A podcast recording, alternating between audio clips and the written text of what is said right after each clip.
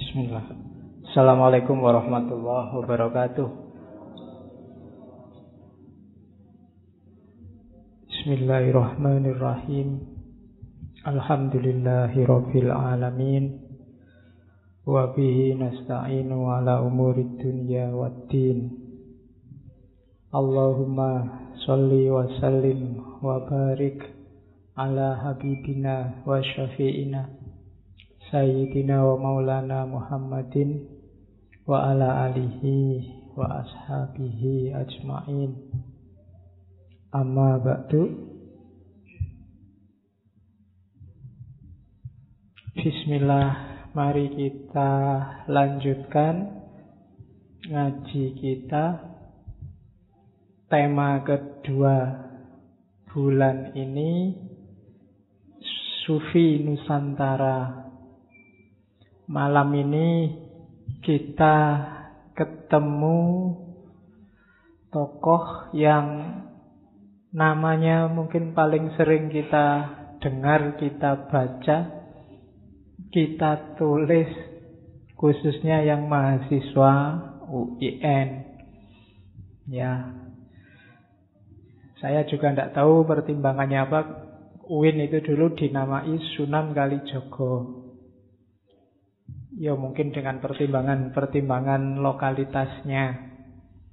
Kalau Jakarta, Sarif Hidayatullah. Surabaya, Sunan Ampel. Harusnya Sunan Kalijogo lebih dekat dengan Semarang. Cuma sudah dipakai dulu oleh Jogja.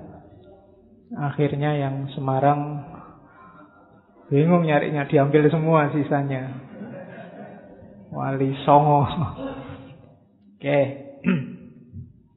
Sunan Kalijogo dikenal memang salah satu dari dewan sufi, dewan ulama zaman itu yang hari ini kita menyebutnya Wali Songo.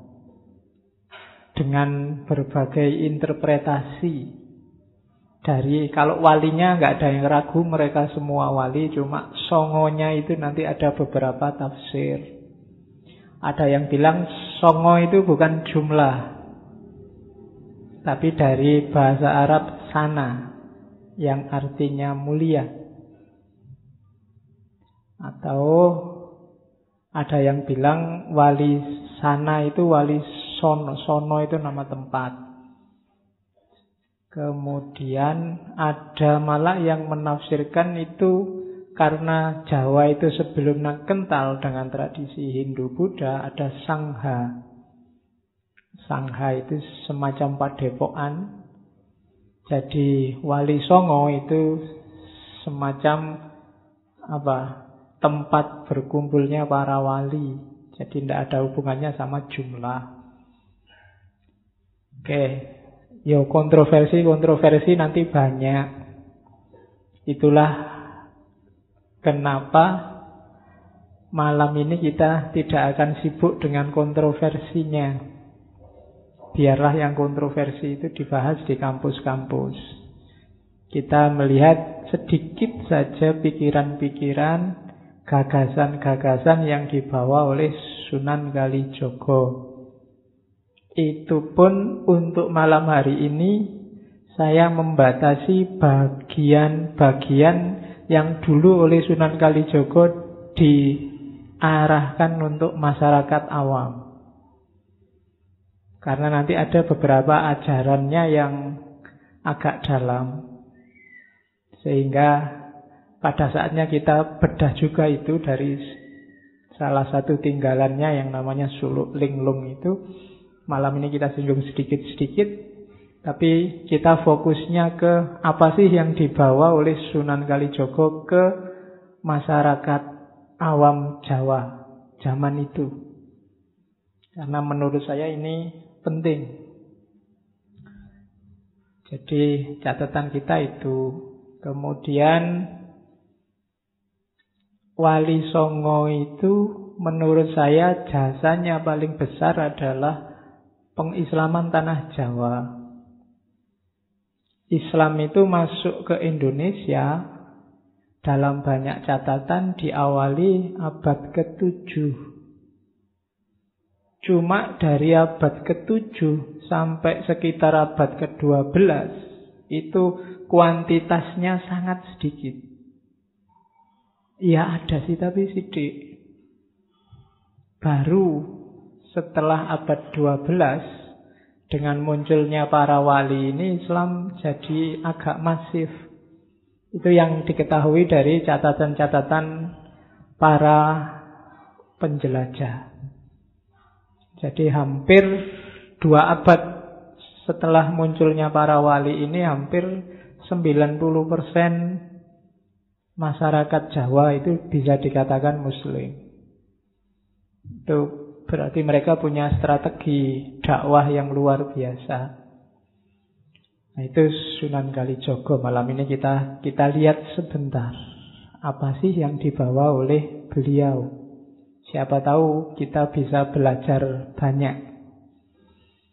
Oke, terus Sunan Kalijogo ini wali yang umurnya panjang. 131 tahun. Beliau lahir di akhir Mojopahit mengalami Pajang, Cirebon, Demak, Demak dulu baru Pajang, terus nanti awal Mataram. Dan termasuk wali yang serius berdakwah, tidak cuma untuk awam juga untuk kalangan istana. Itu Sunan Kalijogo. Jadi umurnya lumayan panjang. Nanti banyak sekali cerita-cerita. Bahkan ada cerita yang Sunan Kalijogo mengawal Brawijaya terakhir itu. Sampai kemudian dia ngawal Joko Tingkir sehingga bisa mendirikan Pajang dan juga ngasih petunjuk lahirnya Mataram. Nanti di cerita-cerita sejarah itu banyak. Ada yang bilang Sunan Kalijogo ini keturunan Arab, ada yang bilang Jawa asli, ada yang bilang Cina. Kayak di kitabnya, bukunya Pak Selamat Mulyono itu menyinggung-nyinggung kemungkinan dia Cina. Menurut saya bisa tiga-tiganya, bisa juga salah satunya. Kalau yang berpendapat dari Arab itu silsilahnya ditarik ke belakang ketemunya nanti di pamannya Nabi Abbas bin Abdul Muthalib. Jadi saya tidak tahu kalau kalau sanatnya sampai Abbas itu masuk Habib apa enggak. Kalau Habib kan turunan dari Nabi Muhammad, ini dari pamannya.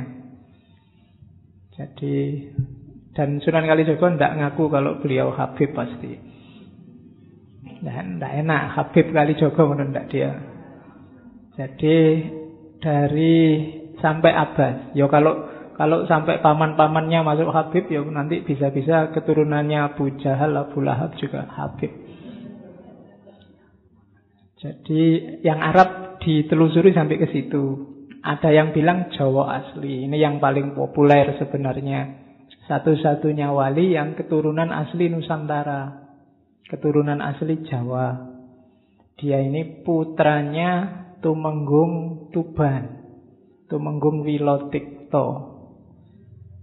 Wilotikto ini anaknya Tumenggung Adipati Aryo Tejo. Aryo Tejo itu gelarnya Namanya Adipati Tuban. Sejak Ronggolawe. Ronggolawe itu kan Aryo Tejo 1 Kemudian Aryo Tejo 2 Aryo Tejo 3 dari ayat Tejo 3 ada nanti yang Adipati Wilotikto itu Wilotikto itu nanti kawin sama Retno Dumilah dan lahirlah Sunan Kalijogo. Silsilahnya itu. Ya Ronggolawe kan putranya banyak Wije, Arya Wiraraja yang membantu Raden Wijaya mendirikan Mojopahit. Meskipun nanti Ronggolawe dituduh memberontak dan tewas terbunuh dibunuh. Nah, itu silsilah versi Jawa. Ada yang bilang dari Cina. Nama aslinya Gansi Chang. Wil Adipati Wilotikto itu disebut Oitikto. Ini mungkin ya saya tidak tahu, mungkin karena memang dulu para penjelajah Cina ini aktif nulis sejarah tempat di mana mereka menjelajah. Ada kemungkinan mereka kadang-kadang nama-nama lokal itu dicinakan.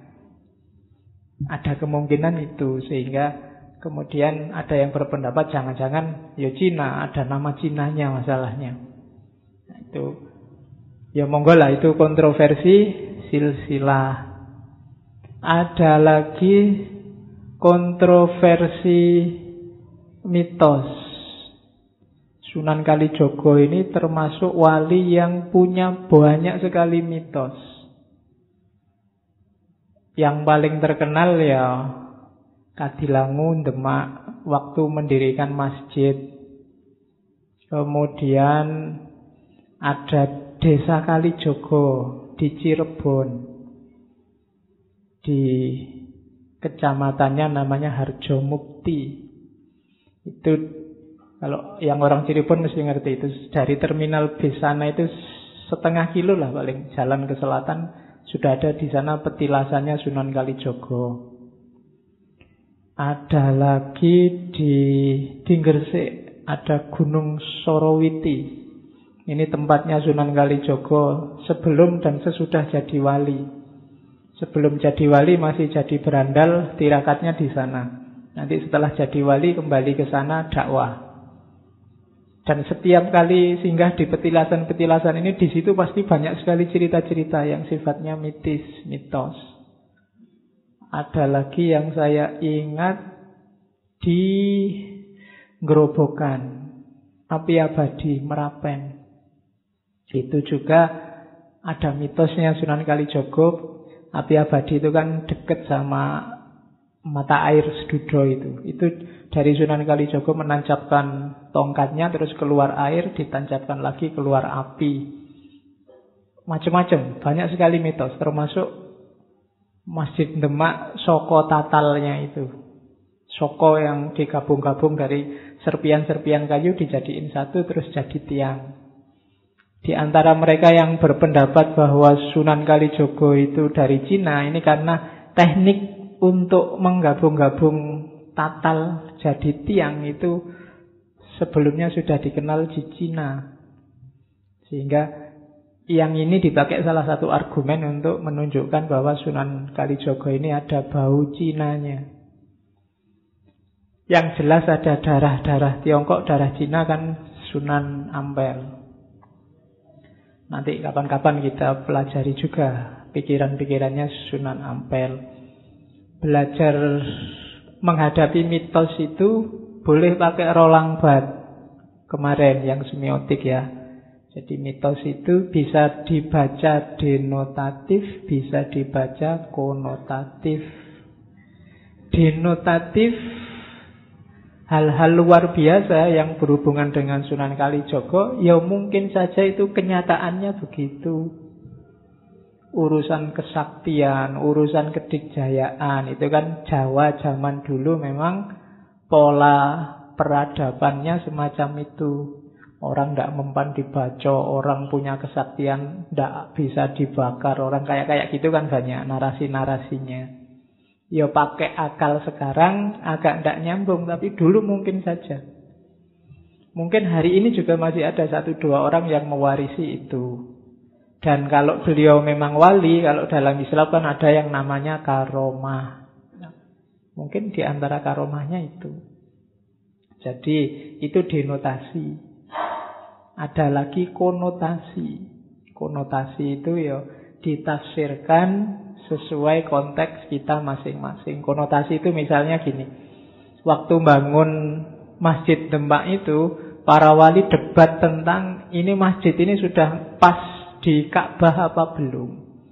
Terus ada mitos saat itu Sunan Kalijogo yang ngatasi dia pegang mustokonya Masjid Demak di tangan yang satu, tangan yang satu pegang Ka'bah, terus dilihat, oh lurus.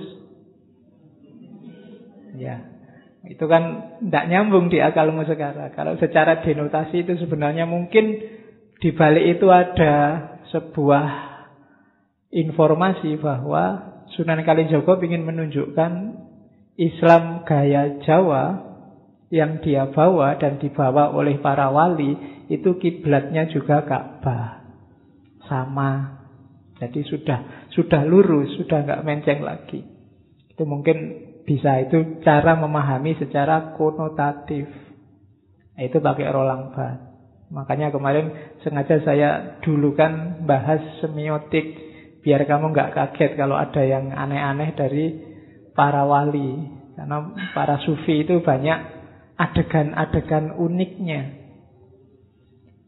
Oke, jadi itu. Cuma malam ini kita tidak akan sibuk di situ ya. Yang mitos kapan-kapan. Saya tahun berapa itu bikin penelitian mengumpulkan mitos-mitos yang berhubungan dengan Sunan Kalijogo. Yang butuh cerita-cerita luar biasa boleh pinjam. Ya. Jadi itu Sunan Kalijogo. Untuk informasi ajaran-ajaran yang tertulis hari ini sejauh yang saya tahu yang agak representatif memang nyambung sama Sunan Kalijogo itu serat Dewa Ruci sama Suluk Linglung. Ya, yang ingin meneliti Sunan Kalijogo boleh pakai itu. Serat Dewa Ruci ini karya pewayangan. Sebenarnya nanti muatannya mirip-mirip saja sama Suluk Linglung. Cuma Suluk Linglung naratif. Kalau yang Serat Dewa Ruci ini ya cerita wayang, agak fiktif, tapi muatan ajarannya sama. Kalau Serat Dewa Ruci sudah lama dikenal, kalau yang Suluk Linglung ini baru diterjemah, baru dibuka tahun 93 diwariskan oleh Sunan Kalijogo ke anak cucunya, dibungkus kain, dan kain ini nggak dibuka-buka. Sampai kemarin tahun 93 ada seorang ustadz kiai pegawai depak di Kudus yang mimpi dapat isyarat untuk mencari tinggalannya Sunan Kalijogo itu dan dicarilah ke saya lupa namanya keturunannya Sunan Kalijogo yang ke-14 dan dibukalah kain itu isinya ya suluk linglung. Di situ lumayan komprehensif semacam autobiografi spiritual. Sejak Sunan Kalijogo gelisah jadi berandal berguru ke Sunan Bonang dan seterusnya. Karena Sunan Kalijogo ini wali yang tergolong wal, kalau bahasa Jawanya wali lelono, wali yang mengembara ke mana-mana. Maka ceritanya banyak di mana-mana. Saat dia mengangkat Sunan Bonang jadi guru, itu dia ke mana pun Sunan Bonang diikuti. Sampai kemudian nanti dia oleh Sunan Bonang dianggap tuntas ilmunya, disuruh naik haji. Cuma zaman dulu naik haji, kalau pakai kapal nggak bisa langsung, harus transit dulu. Dan Sunan Kalijogo transitnya di Malaka. Transit di situ agak lama dan konon di situlah nanti beliau ketemu guru-gurunya selain Sunan Bonang.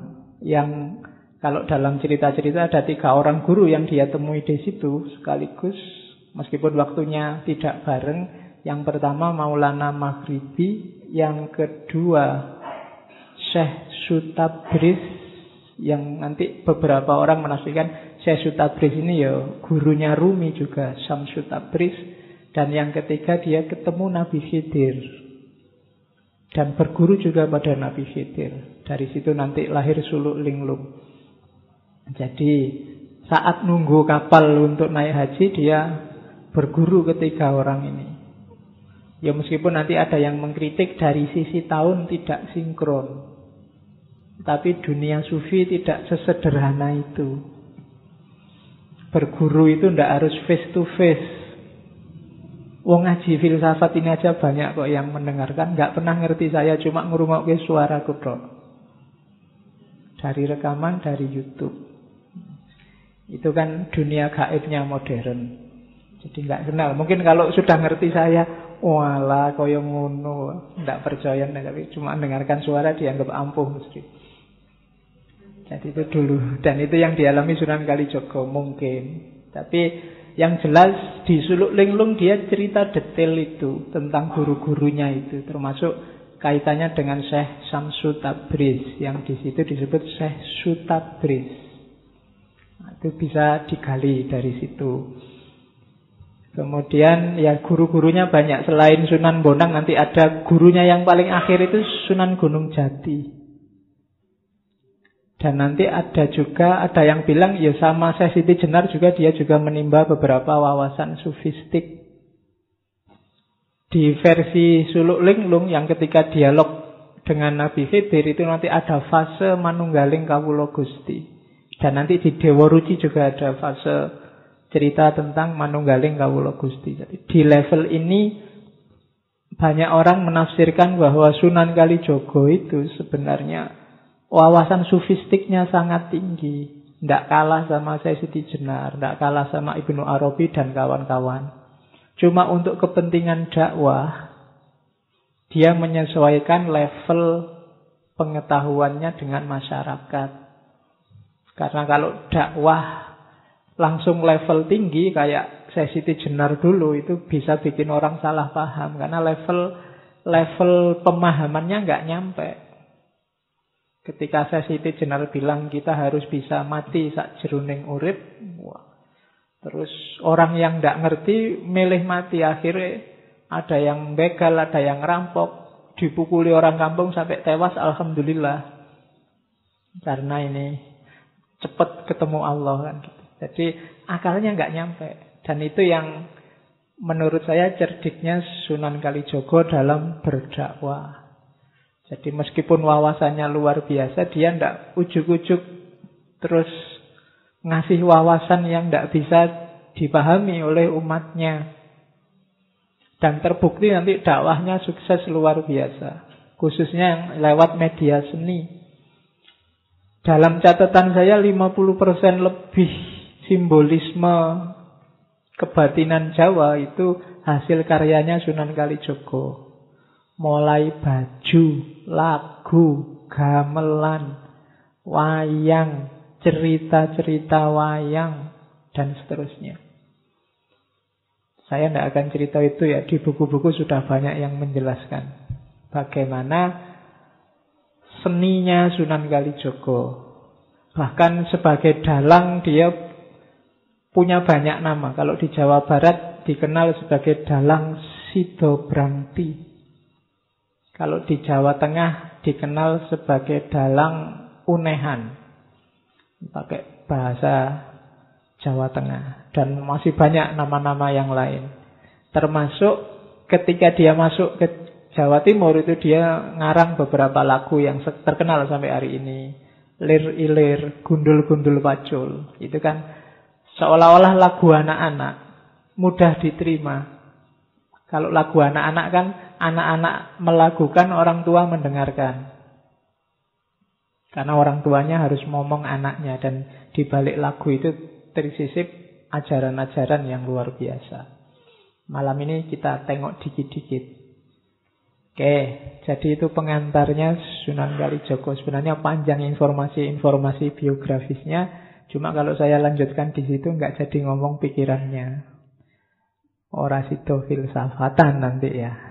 Ya, oke. Bismillah, kita mulai. Saya janji tadi kita mulai apa sih yang dibawa oleh Sunan Kalijogo. Oke, ini penting. Mungkin ada yang fakultas dakwah di sini. Rumus dakwahnya Sunan Kalijogo ini. Jadi para wali itu punya dua kubu, tapi bukan kubu untuk musuhan, kubu strategi dakwah. Ada yang gaya Sunan Giri dan kawan-kawan, ada yang gaya Sunan Bonang, Sunan Kalijogo dan kawan-kawan. Ini yang gaya Sunan Kalijogo. Berhadapan dengan masyarakat Jawa yang kuat sekali memegangi tradisi. Beda nanti sama Barat ketika diserang oleh rasionalisme. Kalau orang timur kayak Jawa itu tradisi itu nomor satu. Jangan diotak-adik. Kalau diotak-adik orangnya bisa ngamuk. Itu gen kita itu. Maka Sunan Kalijogo punya rumus yang pertama apa? Kalau ada adat yang sekiranya tidak cocok sama Islam, tapi susah diubah, yo diubah cuma pelan-pelan, tidak kesusu, dan tidak pakai kekerasan. Kalau pakai kekerasan, apalagi ke susu, hasilnya pasti kontraproduktif. Maunya orang tertarik dan serius berislam bisa jadi dia malah lari. Tujuannya dakwah itu kan biar orang seneng. Maka pelan-pelan, ojo dipeksa. Apalagi diamuk, dipentungi. Biar Islamnya benar. Tidak bisa. Tidak ada orang yang habis dipentungi terus ikut ideologinya orang yang mentungi. Yang ada dia ingin balas dendam. Jadi gayanya Sunan Kalijogo ya ndak, pelan-pelan. Sedikit demi sedikit. Oke.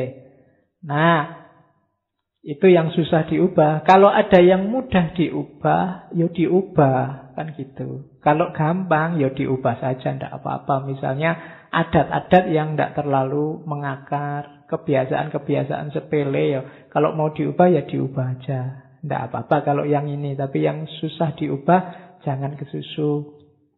Prinsipnya dua rumusnya. Tutwuri handayani dan tutwuri hangiseni.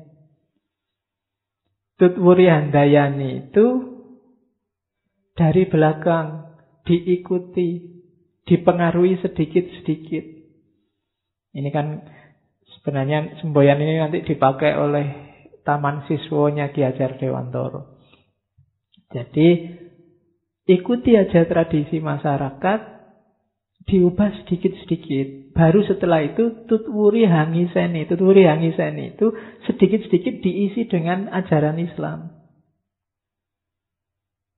Kalau ada orang misalnya habis kematian kok kumpul-kumpul ngobrol nggak jelas ya. Misalnya kalian pindah kos-kosan ada orang kalau ada bayi terus ngumpul ngobrol ngerokok nggak jelas ngobrol ngalung itu diikuti aja jangan tiba-tiba dimarahi. Cuma sambil tuturi hangiseni. Masuklah ke sana, ikutilah, isilah sedikit-sedikit dengan yang baik. Lama-lama mereka berubah. Makanya jangan kaget kalau ada wali-wali tertentu yang kerjaannya masuk ke lokalisasi, masuk ke bar, masuk itu mereka membawa prinsip ini. Lah kalau orang-orang yang di lokalisasi nggak ada yang mau masuk, dianggap haram, dibakar saja, ya nggak jadi dakwah. Yang sesat tetap sesat. Kalau mendakwai kalian yang sudah pinter buat apa? Wong wis dakwah itu ke yang jelek. Maka jangan dimarahi kalau ada wali yang dakwah ke sana. Ya meskipun kalau kalian saya tidak percaya. Ya, untuk kalian lokalisasi kok ke sana dakwah, Pak. Tidak percaya aku. Ngajari tahajud itu loh, Pak. Ya, tahajud kok sujud terus tidak nganggu.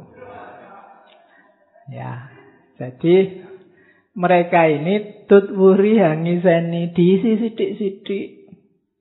Ya bayangkan ya, saya bayangkan misalnya orang-orang mabuk, orang-orang preman-preman itu tiba-tiba ono kiai ikut duduk bersama mereka. Tidak usah kiai itu ceramah, yang mabuk sungkan dewe. Lama-lama bisa bubar itu, tidak jadi mabuk di situ. Itu pendekatan kultural namanya. Oke, jadi tutwuri handayani, tutwuri hangisani. Diikuti pelan-pelan, diubah pelan-pelan. Jangan dimarahi. Jangan disesat-sesatkan, dikafir-kafirkan. Nanti mereka lari dari Islam. Nah itu strateginya Sunan Kalijogo. Orang Jawa suka dengan kesaktian-kesaktian, Sunan Kalijogo masuk lewat jalur itu. Orang Jawa suka dengan wayang, masuk lewat wayang. Suka dengan lagu-lagu, masuk lewat lagu-lagu. Itulah tutwuri handayani, tutwuri hangisani. Masyarakat masyarakatnya jadi enak menerimanya. Itu. Oh ternyata agama baru ini sama aja tuh kayak milik kita. Jangan-jangan lebih sempurna. Kan orang mikirnya ke sana. Oke. Makanya orang Jawa yang suka sakti-sakti, Sunan Kalijogo menunjukkan, wah aku ya iso sakti. Bahkan lebih dari mereka. Itu kan masuk pelan-pelan sambil ngisi. Sama kayak Nabi Muhammad turun di Arab, orang Arab terkenal dengan dunia kepenyairannya masuk dengan Al-Quran, punya nilai sastra yang luar biasa. Jadi tidak datang tiba-tiba dipukuli semua biar masuk Islam, enggak. Ditarik pakai Quran. Yang nilai sastranya luar biasa. Dan yang terakhir anti konfrontasi. Jadi prinsipnya mengambil ikan tapi airnya tidak keruh. Kalau airnya keruh, itu ya semua ikannya bisa mati. Nggak jadi ngambil ikan. Bahkan dainya juga bisa ikut mati. Kalau kamu dakwah dengan keras, terjadi kerusuhan, nggak cuma yang rusuh, yang korban, kamu sendiri bisa juga jadi korban. Maka mancinglah tidak dengan mengeruhkan airnya. Hasilnya ada tapi airnya tidak keruh. Nah, itu strategi keempat dari Sunan Kalijogo. Jadi cabang yang berbeda nanti dengan gayanya Sunan Giri yang masuk ke politik dengan gayanya sendiri nanti ada Giri Prapen itu dan seterusnya strategi dakwah yang berbeda. Tidak ada yang salah, asal konsisten dengan niat dan teorinya masing-masing. Yang jelas Sunan Kalijogo lebih diposisikan akhirnya oleh orang Jawa sebagai gurunya orang Jawa. Dalam banyak kasus selalu yang disebut Sunan Kalijogo. Yang tadi Nama Kali Jogo ini juga sebenarnya kontroversi ya. Ada yang bilang karena disuruh nunggui tongkat di pinggir kali oleh Sunan Bonang. Ini yang banyak orang kritik. Masa cuma nongkrong di pinggir kali, wae jadi wali. Banyak yang kritik gitu ya. Nah, sebenarnya itu lagi-lagi mitos-mitos simbolisme yang harus kamu baca secara konotatif. Kalau istilah kali jaganya sendiri ada yang bilang yo karena setelah nanti Sunan Kalijogo ini setelah berguru ke Nabi Khidir kan pulang itu. Pulang itu dia nggak balik ke Tuban tapi nanti ke Cirebon yang di desa Kalijaga itu. Dan di Cirebon itu nanti petilasannya diapit dua sungai. Dan menurut ceritanya masyarakat, di antara kisahnya Sunan Kalijogo di sana itu kegemarannya Sunan Kalijogo itu kungkum di sungai. Kungkum ngerti ya? Ya, jadi berendam di sungai. Nah itu makanya terus lama-lama dikenal sebagai desa Kalijaga, Sunan Kalijogo. Kapan-kapan silahkan ke sana. Masih ada petilasannya, masjidnya masih ada. Di sana ada mitos tentang kera. Jadi kera di sana itu kalau Jumat, kalau hari biasa itu di mana-mana ketemu kalian kera, tapi kalau hari Jumat tidak akan ketemu. Kamu cari di mana saja tidak akan ketemu. Nah, itu mitosnya dulu ada warga yang waktunya sholat Jumat diperintah sholat, diminta-minta sholat Jumat sampai Sunan Kalijogo sendiri menemui mbok kamu sholat Jumat dia tidak mau. Akhirnya Sunan Kalijogo jengkel terus balik badan sambil bilang sing ra gelem sholat yo kaya monyet, kaya bedes. Akhirnya dia berubah jadi monyet. Terus mitosnya di sana jumlah jumlah kera di sana itu 77 dan nggak akan berkurang, nggak akan bertambah. Kalau hari Jumat berkurang satu. Nah, yang yang tadi dikutuk oleh Sunan Kalijaga ini jadi manusia terus sholat Jumat. Tapi Jumat balik lagi jadi kera. Ya, nah itu mitos-mitosnya. Yuk bacalah secara konotatif. Jadi ya itu pasti ada maknanya simbol-simbol itu. Tergantung kita membacanya. Oke, itu strategi dakwahnya. Kita masuk ke simbolisme ya. Dewa Ruci. Dewa Ruci itu ini kisahnya salah satu pendowo. Pendowo itu saya sengaja nggak memasukkan filsafat wayangnya Sunan Kalijogo di ngaji yang ini. Kapan-kapan kita ngomong khusus tentang filsafat wayangnya. Hanya karena ngomong ajaran saya harus nyinggung Dewa Ruci. Jadi Dewa Ruci ini kisahnya ketika Pendowo yang kedua, Werkudara itu dihapusi oleh gurunya Resi Durno. Disuruh nyari air Prawitosari. Werkudara ini Pendowo yang tidak cerdik, tidak pinter, lugu, tapi punya kekuatan luar biasa. Dan karena yang nyuruh gurunya meskipun tidak masuk akal, dia berangkat. Berangkat yang pertama ke satu hutan di gunung. Namanya hutan Tikbrasoro dan hutan Reksomuko. Di sana dia tidak nemu air, ketemu dua raksasa, namanya Rukmuka dan Rukmala. Tarung sama raksasa, menang dia, tapi nggak nemu airnya, terus kembali lagi ke gurunya. Resi Durno. Resi Durno heran, padahal itu disuruh ke gunung itu biar ketemu raksasa itu dan kalah dan tewas. Tapi bisa pulang menang. Terus sama Resi Durno, kalau gitu kamu kembali lagi airnya nggak ada toh, kamu cari di tengah samudra. Jalan kaki, nggak boleh naik kapal. Saudara-saudaranya mengingatkan kamu itu dihapusi sama Resi Durna. Tapi dia tidak peduli. Loh, yang nyuruh guru eh, ya harus dilaksanakan apa pun yang terjadi. Janganlah dia ke tengah samudra. Di sana dia ketemu ular naga. Namanya naga Amburnawa. Makanya kapan mungkin di momen tertentu kalian lihat gambarnya Werkudara yang dililit oleh ular naga besar. Itu bagian dari ceritanya Dewa Ruci. Dan naga itu kalah. Tapi yo masih bingung Werkudara. Terus airnya itu di mana? Saat dia nyari-nyari di pantai dia lihat anak kecil. Anak kecil ini wujudnya persis kayak dirinya tapi kecil.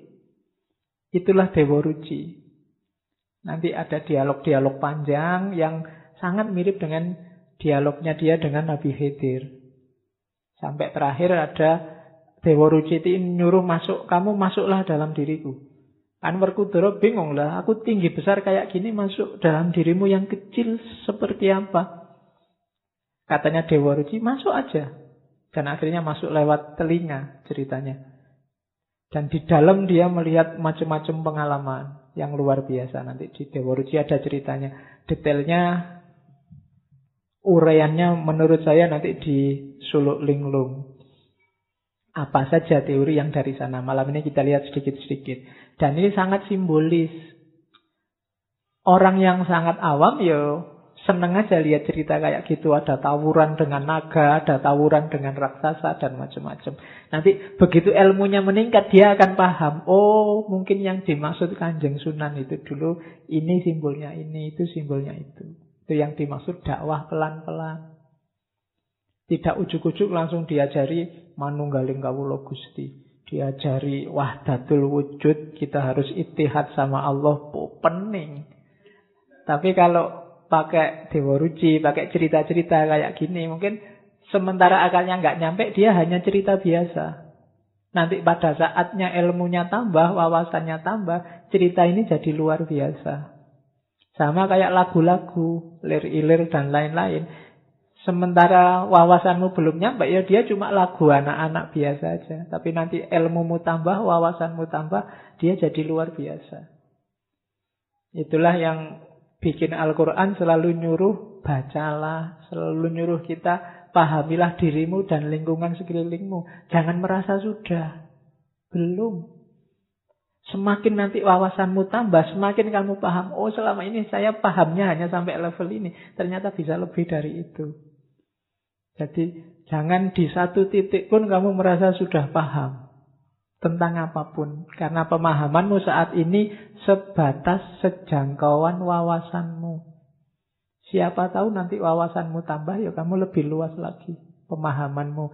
Maka jangan berhenti. Cari ilmu harus terus. Minal mahdi ilalahdi.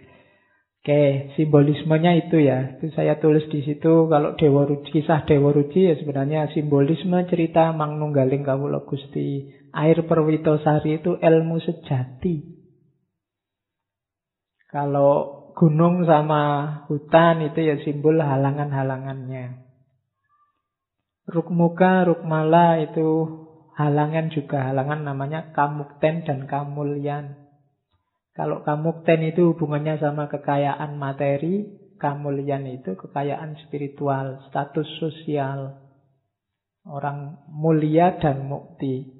Ini juga jadi halangan kalau bagi orang sufi. Sering-sering orang berhenti di situ atau jadi merasa besar di situ. Duitnya tambah banyak, apa-apa bisa dibeli, segalanya bisa dipenuhi, mukti sudah hidup kita. Apalagi terus status sosialnya meningkat, mulia kita di tengah masyarakat. Dan ini harus dikalahkan. Jangan sampai kemuliaan dan kemuktian ini menjadi penghalang kita ketemu sama Allah. Karena kita merasa besar, merasa penting, merasa apa lebih dari yang lain. Itu harus ditaklukkan juga. Termasuk ular naga, nafsu, hasrat, ego. Kalau raksasanya kalah, ular naganya kalah, kita akan ketemu Dewa Ruci. Ilmu sejati. Itu nanti simbolismenya. Kapan-kapan kita bedah lebih detail. Saya ingin masuk ke ininya.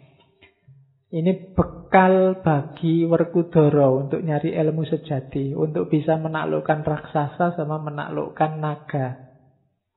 Milikilah kualitas-kualitas ini. Yang pertama, rilo, bahasa Arabnya ridho. Yang kedua, legowo. Yang ketiga, nerimo. Yang keempat, anurogo. Yang kelima, eling. Yang keenam santoso, yang ketujuh gembiro, yang kedelapan rahayu, terus wilujengan, marsudi kaweruh, semedi dan ngurang-ngurangi. Rada abot iki ketoke. Ya, ya. Satu-satu. Ini bahasa Jawa ya, semoga tidak ruming. Rilo, rilo itu bahasa Arabnya ridho. Bahasa gantinya itu ikhlas. Jadi ikhlas itu di luar hasrat. Hanya Tuhan, hanya Allah yang jadi awal dan akhirnya. Setelah itu legowo. Legowo itu apa? Boleh apa saja terjadi, tidak apa-apa. Itu legowo. Tidak memberati apa pun. Kehilangan juga tidak apa-apa. Asal bukan kehilangan Allah, itu legowo. Punya apa saja, tidak apa-apa. Asal Allahnya tidak hilang, itu legowo. Nilai dari A terus jadi E nggak masalah. Yang penting Allahnya nggak hilang. Nah, dari punya pacar cakep terus diputus, dapat lagi, standarnya kok di bawahnya ndak apa-apa, legowo aja. Ya. Itu namanya legowo. Legowo bisa di awal, bisa di akhir. Kalau yang pasti di akhir itu nerimo.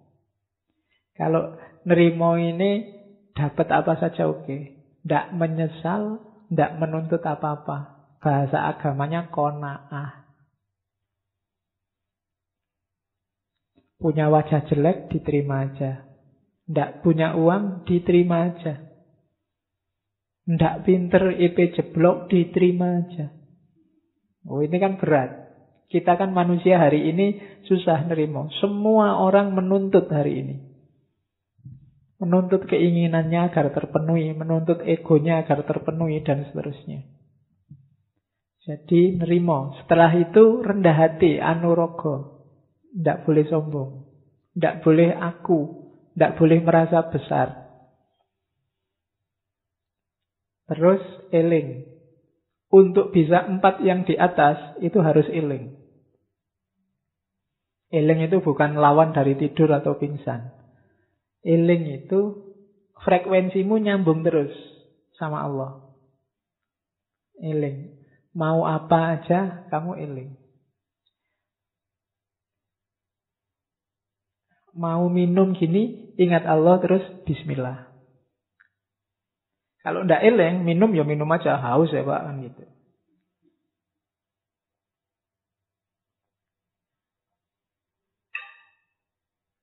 Terus santoso. Ini bukan nama orang ya. Bukan nama PO juga.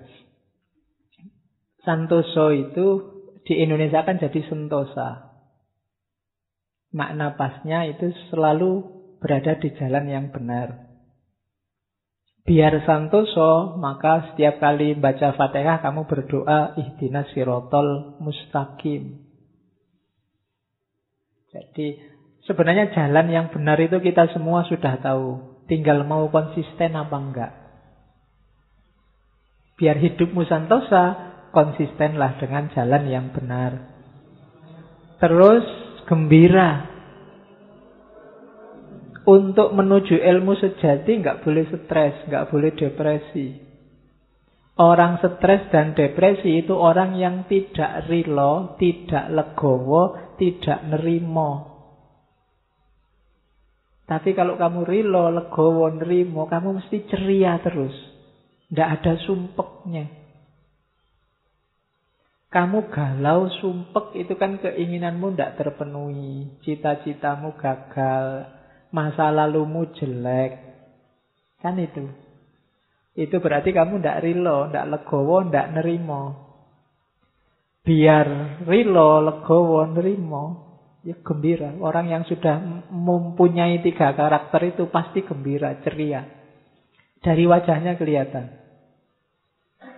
Jadi Orang dekat juga enak. Tidak mencurang, tidak sumpek, suntuk. Diajak ngobrol nggak enak. Dari mana mas? Dari belakang. Mau ke mana? Mau ke depan. Susah. Dari mana Thomas kok jalan kaki aja? Emangnya harus ngerangkak? Oh, susah diajak ngomong. Jawabin tidak enak terus. Tidak ceria. Hidup jadi beban. Tidak akan ketemu ilmu sejati. Orang kayak gini mesti mengeluh terus. Ya. Terus rahayu. Rahayu itu biasanya kita pakai ini ya, hayu, rahayu. Hatinya selalu ingin melakukan yang baik. Makanya Islam kenal Assalamualaikum, agama yang lain ada yang pakai istilah rahayu. Itu berarti mengharapkan orang lain dalam kondisi baik, selamat selalu. Selanjutnya wilujengan. Jangan salah, untuk cari ilmu sejati juga kamu harus wilujeng, harus sehat. Jangan mentang-mentang saya mau ilmu sejati tirakat terus poso, ndak makan, ndak minum, ah, ndak ngerokok, ya kecut. Ya, sehatlah ya. Sehat dulu baru bisa semua ini. Lah kalau kamu sakit ya mikir gembira, mikir santosa, eleng ya abot. Sehat. Jaga kesehatan.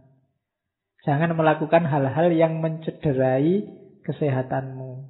Itu menunjukkan kamu tidak amanah. Karena badanmu, fisikmu itu titipannya Allah. Bukan milikmu yang bisa kamu pakai sesuka hatimu. Itu amanat dari Allah dijaga. Kalau memang tidak ada yang penting ya tidak usah melekan. Kalau memang nggak pepet karena nggak ada uang ya makanlah tiga kali sehari. Kalau tidak ada uang ya utanglah. Ya, kalau sudah terlalu banyak utang ya ganti warung. Yang belum ada utangnya. Iya. Lo kan gampang, tinggal pindah angkringan di sebelah kan sudah utang yang baru. Tidak apa-apa. Ya kalau ada yang nagih marah-marah ya bilang aja ini menjaga amanahnya Allah ini loh kok berat. Oke, terus Sehat ya badannya, baru setelah itu marsudi kawero. Nambah wawasan terus, jangan berhenti-berhenti. Sampai besok-besok. Tidak boleh merasa pinter meskipun sudah jadi profesor, jadi eh, luar negeri, jadi nggak masalah wis. Tetap marsudi kawero. Jangan merasa sudah.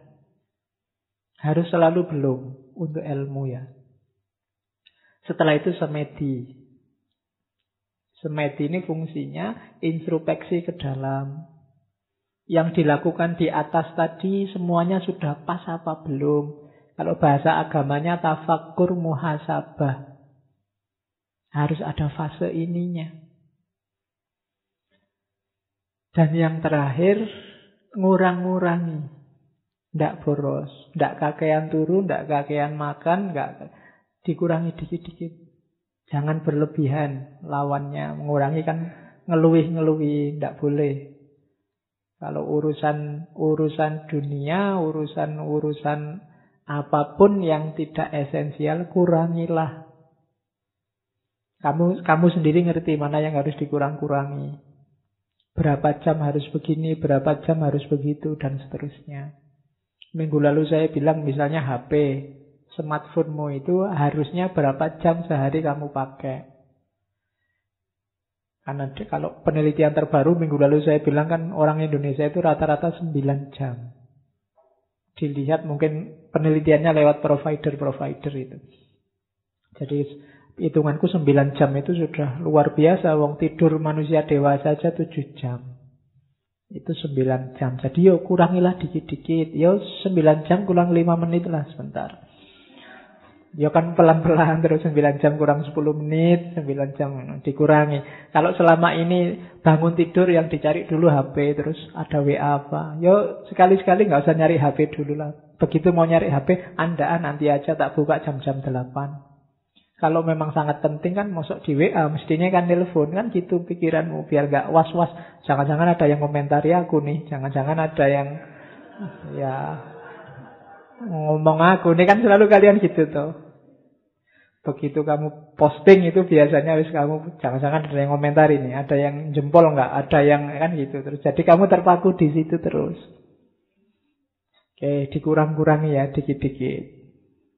Demi yang lebih penting, ilmu sejati.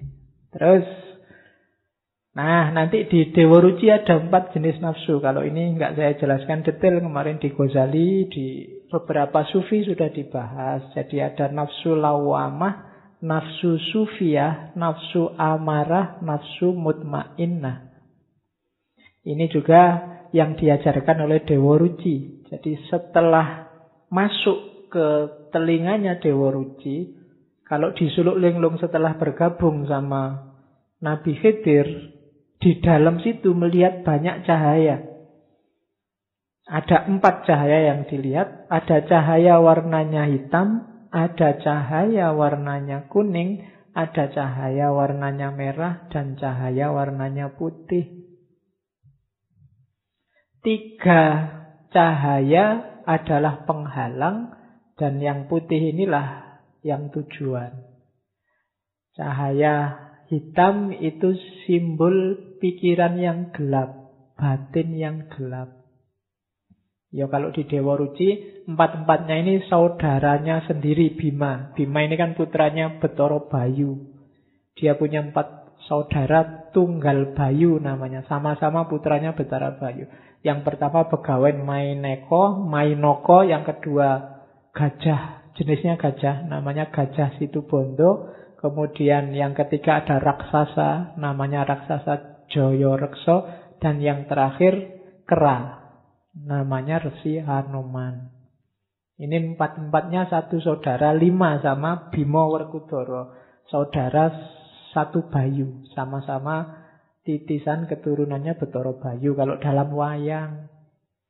Nah, dipakai oleh Sunan Kalijogo jadi simbol-simbol nafsu yang begawan Mainoko itu warnanya hitam. Simbol dari batin dan pikiran yang gelap. Jadi jangan salah, orang itu memang yang menuntun hidupnya pikiran dan hatinya. Hati yang jernih, pikiran yang jernih. Kalau batin dan pikirannya gelap, ya dia akan tertuntun dalam kegelapan.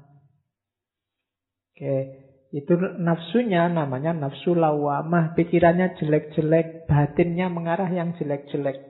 Orang yang di level ini nggak bisa mbok tanya ke hatimu, nggak bisa. Hatinya sudah gelap. Jadi ada orang yang tidak bisa kamu nasihati, tanyakan sendiri hatimu. Hati nuranimu bilangnya apa? Kalau orangnya hatinya gelap, dia tanya beneran keluarnya juga gelap. Itu yang sering orang tertutup oleh pikiran dan batinnya yang gelap. Hati-hati. Jadi tidak semua orang saya ikut kata hati saya. Nanti dulu. Hatimu dalam kondisi apa dulu? Kalau hatimu gelap, dikuasai oleh nafsu, ya ikut kata hatimu mengarah ke sana. Kecuali hatimu memang pas jernih. Pikiranmu pas jernih. Loh ini ikut pikiran saya loh Pak. Masuk akal loh Pak. Ya masuk akal, cuma akalmu jernih apa enggak? Ya, kalau akalmu jernih ya, tapi kalau akalmu penuh nafsu, penuh hasrat, wong yang jelek bisa kamu rasionalkan jadi baik. Wong pacaran aja kamu anggap ta'aruf. Iya kan? Dulu manggilnya sayang, Hani, sekarang diganti uhti, akhi.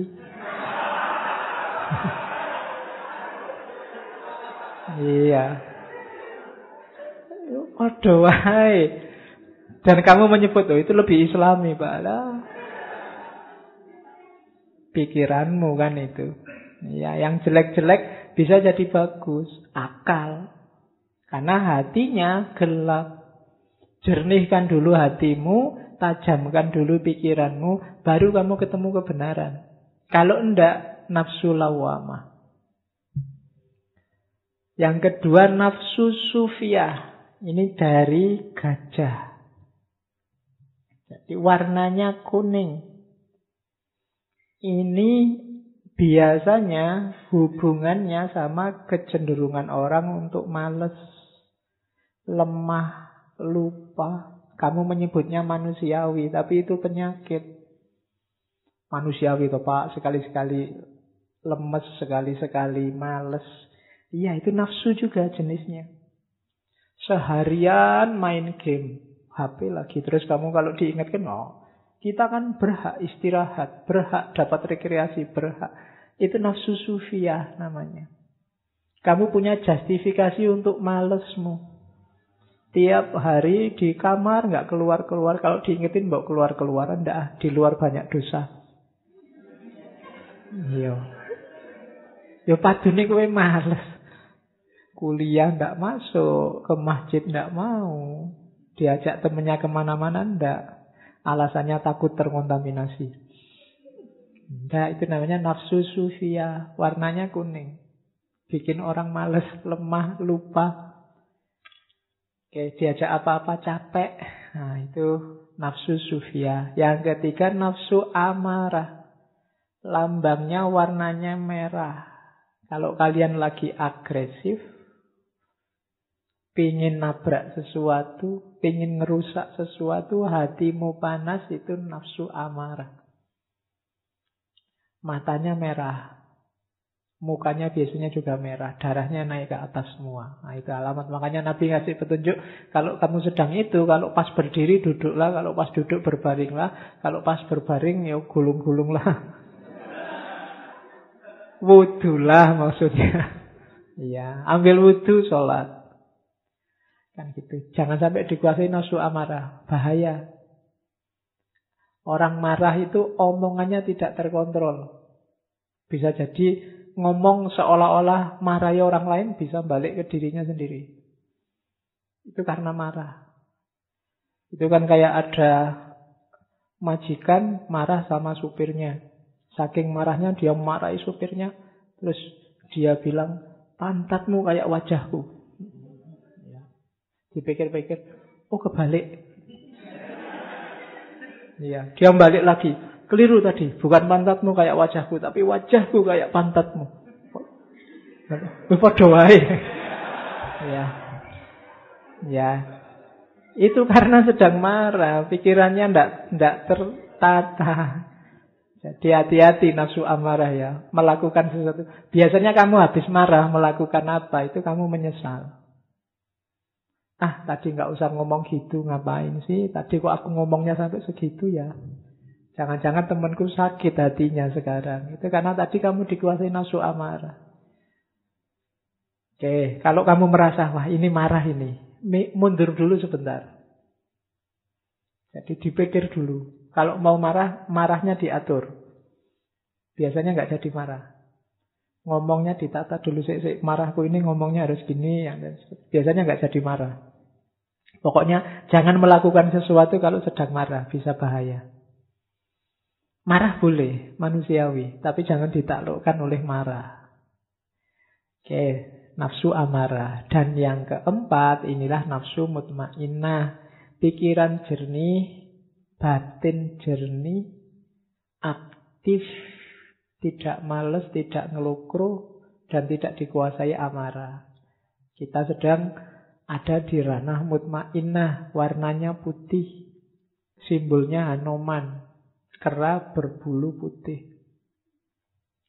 Itu empat jenis nafsu yang dinasehatkan oleh Dewa Ruci pada Werkudara.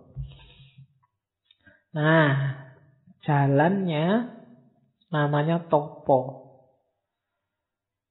Topo itu dari Sebenarnya dari tradisi Hindu, Buddha ada istilah semedi, topo juga. Topo itu dari tapa, dari tap atau tapas. Kalau bahasa Urdu, bahasa India artinya energi.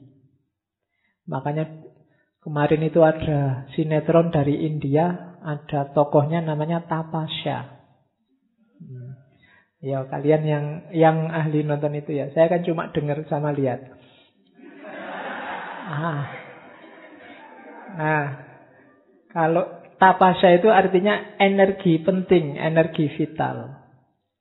Maka disebut tapa itu berarti apa? Upaya menaklukkan energi dan menguasai energi hidupmu.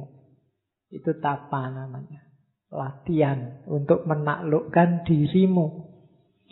Nah, nanti di suluk linglung sama di Dewa Ruci ada beberapa jenis tapa. Ada topo untuk badan, untuk hati, untuk nafsu, untuk nyawa, untuk rasa, untuk cahaya, dan untuk atma. Ini narasinya bagus. Ada aspek toponya, ada aspek zakatnya. Topo itu ke dalam, zakat itu keluar. Untuk mencari keutamaan badan, Toponya adalah sopan santunlah. Jakatnya gemar berbuat baik. Maka kamu akan bisa menguasai energi badanmu. Energi jasmaniahmu. Jadi sopan santunlah, beradablah, dan berbuatlah baik. Yang kedua untuk hatimu, toponya ada dua. Toponya adalah relo, dan sabar zakatnya jangan berprasangka buruk, jangan suudzon pada orang lain. Jangan percaya hoak. Ya, topomu itu, zakatmu itu. Toponya rela dan sabar. Nafsu, untuk melatih nafsu, toponya adalah ikhlas. Nafsu itu selalu menuntut meminta sesuatu, berpamrih, jalan keluarnya apa? Latih dia untuk ikhlas. Kalau nafsumu terlatih ikhlas, dia akan lebih mudah dikontrol. Kemudian zakatnya adalah tangguh menghadapi ujian, kesengsaraan, dan pemaaf. Jadi nafsumu akan bagus kalau dia tangguh.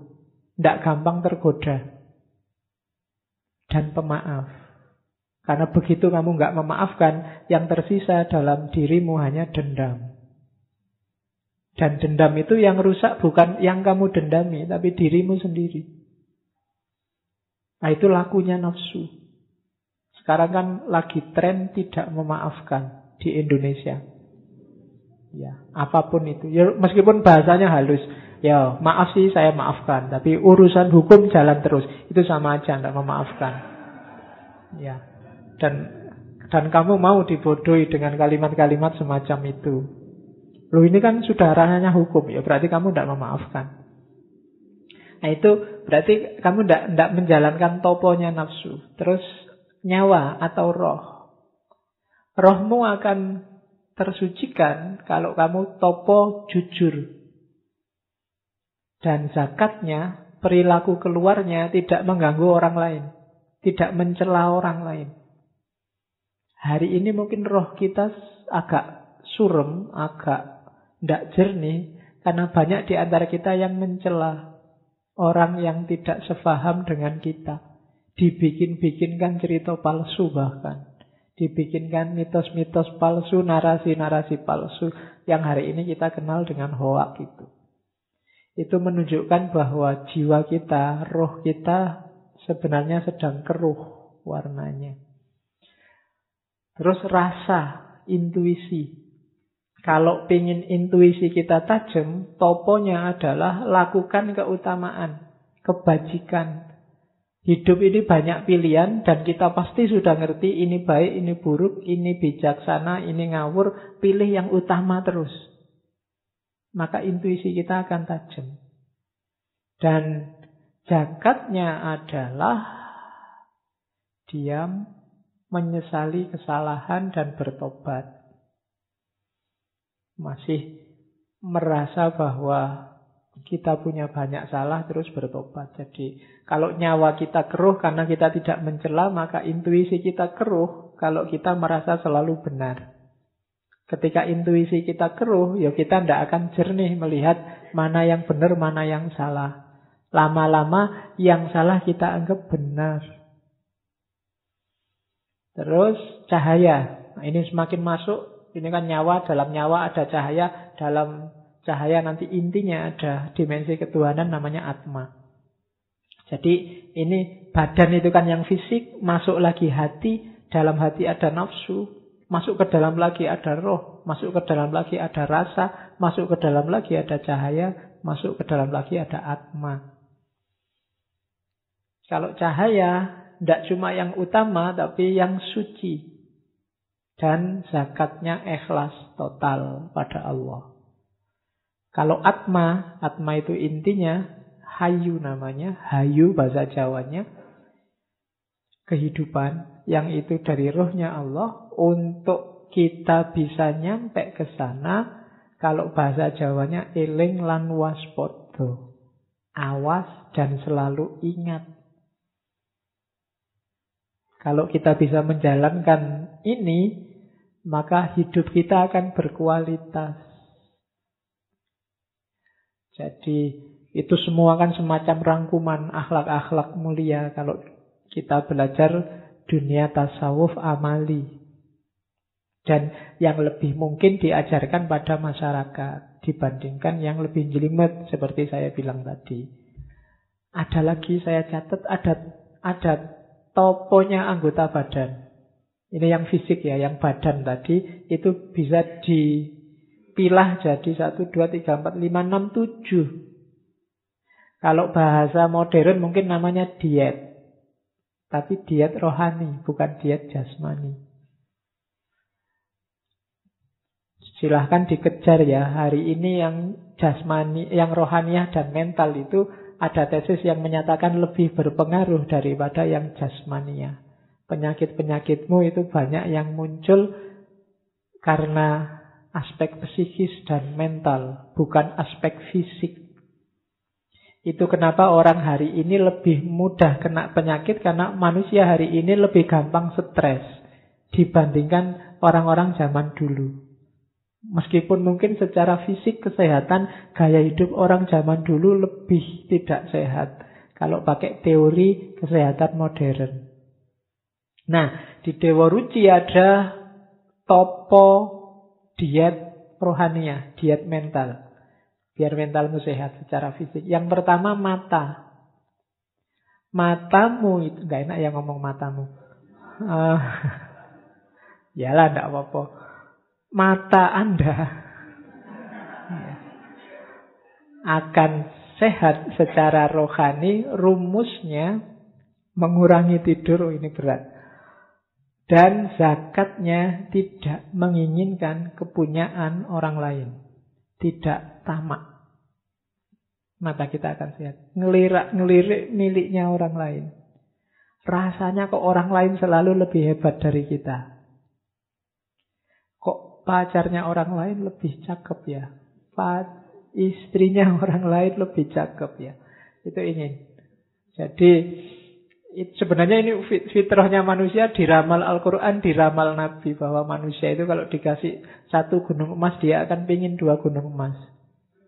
Sudah punya satu istri cantik, masih mimpi punya dua istri cantik, punya dua pingin tiga. Kalau nggak dibatasi bisa sebanyak-banyaknya. Ya, topolah. jadi jangan menginginkan miliknya orang lain. Terus telinga. Kalau telinga toponya adalah mencegah hawa nafsu. Dan yang kedua, jangan mendengarkan kata-kata yang buruk. Jangan salah, telinga ini pintu yang susah sekali dicegah masuknya sesuatu. Hindarilah yang ada kemungkinan sesuatu yang jelek masuk. Sesuatu, sesuatu yang jelek itu bisa caci maki, omongan jelek. In apa? teori-teori yang menyesatkan, konsep-konsep yang bikin kita terlena macam-macam. Hindari itu.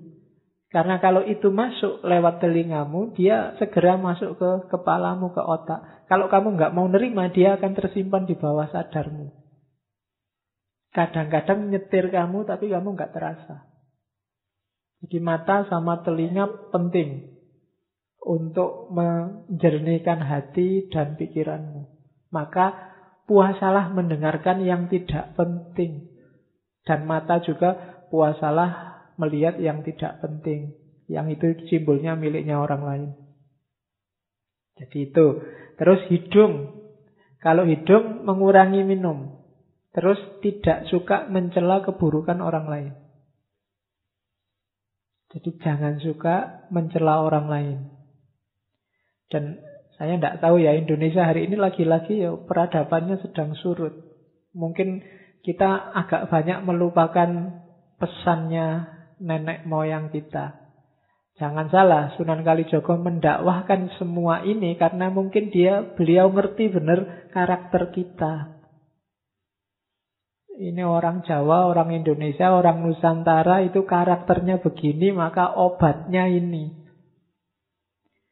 Jangan cari obat di mana-mana. Mereka yang sangat dekat sama Allah sudah ngasih kita obat.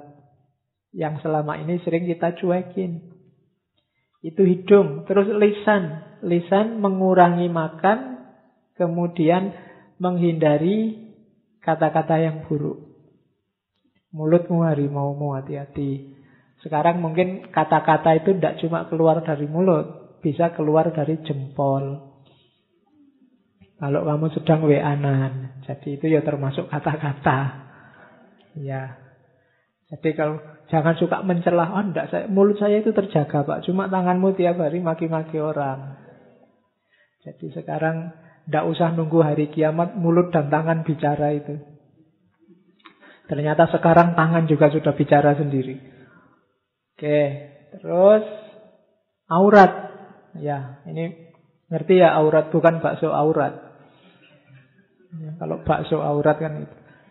Auratmu itu toponya adalah menahan syahwat. Zakatnya menghindari zina. Ini nggak usah tak jelaskan. Di kepalamu gambarnya sudah banyak. Terus referensimu kan banyak. Ya. Terus tangan. Tangan itu toponya adalah tidak mencuri, tidak mengambil yang bukan haknya. Dan yang ketiga, zakatnya tidak suka menyakiti orang lain. Lewat perbuatan kita. Kaki, ya, tugasnya apa? Menghindari berbuat jahat. Hindarilah. Dan zakatnya apa? Introspeksi. Jangan-jangan yang dilakukan selama ini keliru lakukan topo ini, lakukan diet ini, maka kita akan sehat. Mata, telinga, hidung, lesan, aurat, tangan, dan kaki. Hidupmu akan tentram. Pakai rumus ini. Ini yang pesen bukan saya, tapi Sunan Kalijogo lewat suluk Dewa Ruci dan suluk linglungnya. Ah, ini yang paling terkenal. Dari Sunan Kalijogo namanya Kidung Rumekso ing Wengi. Kalau zaman dulu orang Jawa disuruh dibaca kalau malam. Bahasa fenomenologi agama ini sejenis mantra. Bahasa kita namanya doa. Doa tolak balak versi Jawa. Kenapa sih kok Sunan Kalijogo tidak ngasih doa-doa yang bahasa Arab? Lagi-lagi hubungannya sama audiens. Audiennya orang Jawa. Daripada diajari bahasa Arab mungkin bisa menirukan tapi tidak ngerti maksudnya. Sementara doa itu kan meminta sesuatu minta sesuatu, ya harusnya kita paham yang diminta apa. Kan sering kita itu apal doa tapi tidak ngerti artinya. Wong doa itu minta, kita tidak jelas minta apa. Kadang-kadang doa kita apalan. Sambil berdoa, sambil tangannya wil-wil, sambil apa, sambil tidak jelas. Loh itu Allah yang diminta lah, ya bingung. Kamu itu minta apa? Maka Sunan Kalijogo ngasih versi Jawanya. Namanya Kidung Rumekso ing Wengi. Agak panjang, cuma saya potong bagian awal sama bagian akhir. Silahkan dipelajari sendiri. Cuma yang tak kasih tanda-tanda kuning itu, itu bagian-bagian akhir. Menurut saya unik. Nama-nama nabi dan sahabat yang disebut oleh Sunan Kalijogo dengan kualifikasinya masing-masing. Ini silahkan nanti menurut saya kidung ini bisa kamu bikin tesis atau bahkan disertasi. Coba perhatikan itu ya, kita lihat sebentar. Otakku adalah sis, nabi sis. Bayangkan hubungannya apa nabi sis sama otak. Nabi sis ini dikenal sebagai mbahnya tradisi yang oleh Syed Nasr disebut Saintia Sakra, manusia ilmu sakral. Sis dikenal sebagai manusia bijaksana yang pertama. Nabi Sis ini anaknya Nabi Adam yang keenam. Ya apa? Nabi ini lahir sendirian. Nabi Adam itu anak pertama, kedua, ketiga, keempat, kelima itu kembar, kembar, kembar, kembar. Nabi Sis dok yang sendirian. Setelah itu yang ketujuh dan seterusnya kembar lagi. Itu Nabi Sis. Nanti di dalam khazanah Jawa Nabi Sis ini diceritakan beliaulah yang melahirkan orang-orang utama yang oleh tradisi kuno dikenal karena pinter, bapaknya pinter, anak-anaknya juga pinter, dikenal sebagai dewa-dewa. Itu Nabi Sis. Terus pangucapku ya Musa. Kalau ini masuk akal. Musa kan dikenal sebagai kalimullah. Teman ngobrolnya Allah. Maka kata-kataku ini kayak Musa. Nafasku Nabi Isa. Ini masuk akal juga kan Nabi Isa itu ruhullah. Tidak Maryam melahirkan Isa tidak pakai suami, jadi langsung ruh Allah ditiupkan. Maka Nabi Isa dikenal sebagai ruhullah. Nabi Yakub pamiar saning wang. Nabi, Nabi Yakub pendengar Nabi Dawud jadi suara. Kalau Nabi Dawud jelas dikenal suaranya indah. Kalau Nabi Yakub itu orang yang pada akhirnya nanti diceritakan buta tapi waskito. Meskipun diceritain oleh anak-anaknya bahwa Nabi Yusuf begini begitu dimakan oleh serigala macam-macam tapi beliau waskito. Andalannya pendengarannya karena selalu nyambung dengan Allah. Selalu mendengarkan kalau bahasa Jawanya sasmito gaib. Nabi Ibrahim nyawaku. Ini hubungannya sama Nabi Ibrahim itu nyawanya kayak rangkap. Sudah dibakar seperti itu tapi masih bisa hidup lagi. Punya vitalitas hidup yang luar biasa, semangatnya mencari kebenaran luar biasa. Maka Nabi Ibrahim nyawaku. Nabi Sulaiman bukan tulisannya memang Sulaiman ya. Ya. Jadi Sulaiman disebutnya Sulaiman Itu yang bikin Ustadz Fahmi Basa yang dari Jakarta itu menganggap bahwa Sleman ini dari asal kata Sulaiman dan Candi Boko itu istana Ratu Balkis yang singgasananya satu diambil oleh pengawalnya Nabi Musa dan singgasana itu jatuh sekarang jadi Borobudur. Nabi Musa dikenal sakti ngomong sama binatang, bisa menaklukkan angin dan macam-macam. Maka Nabi Sulaiman kesekten mami. Nabi Yusuf yang paling cakep. Nabi Yusuf rupeng wang, rupaku Nabi Yusuf. Bacalah mantra ini siapa tahu kamu jadi ganteng. Ya. Loh kan ada khasiatnya sendiri-sendiri itu setiap kalimat itu. Mantra itu kan semacam punya daya sugestif yang bisa mempengaruhi hidup kita. Makanya orang dulu sangat takut dengan ngomong jelek. Karena ngomong jelek yang mempengaruhi hidupmu jadi jelek. Idris ing rambutku. Nabi Idris ada di rambut. Rambut itu fungsinya apa? Untuk melindungi kepala, melindungi otak. Juga bikin kamu ganteng. Dan Idris memainkan fungsi itu karena Idris dikenal sebagai teknisi, ilmuwan pertama ilmu yang melindungi hidup kita. Itu Idris. Ali Abu Bakar, Umar, Usman.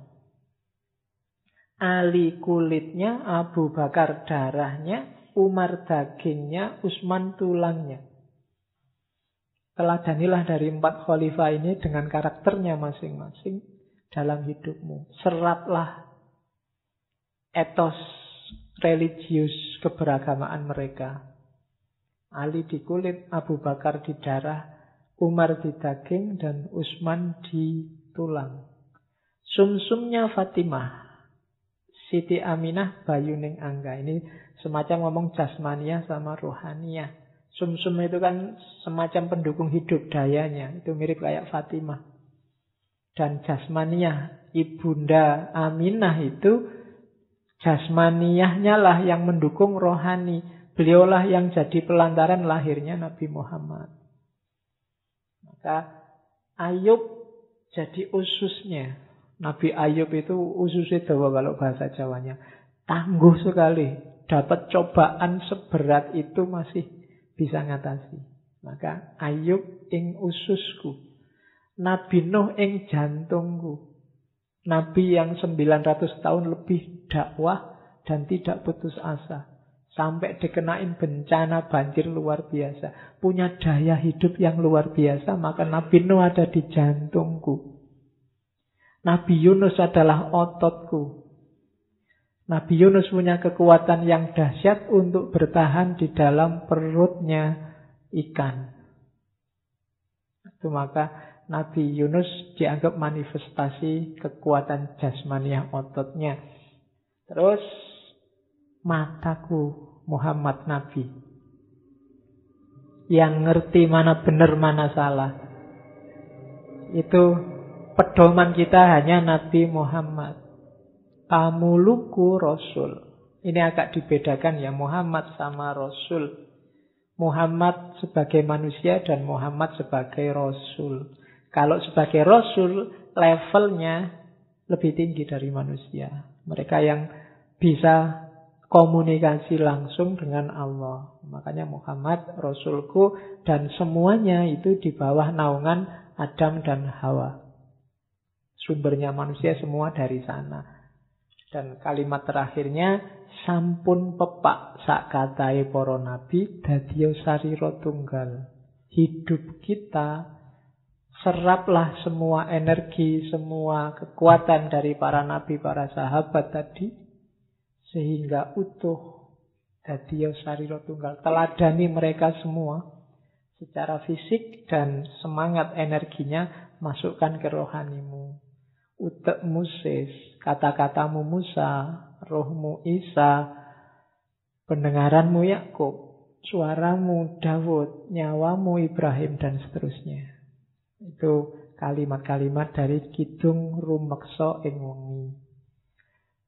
saya tidak tahu kalau kalian baca ini ampuh apa enggak. Karena kalian pinter. Orang pinter itu biasanya gampang ragu-ragu. Dan orang ragu-ragu itu tidak ampuh.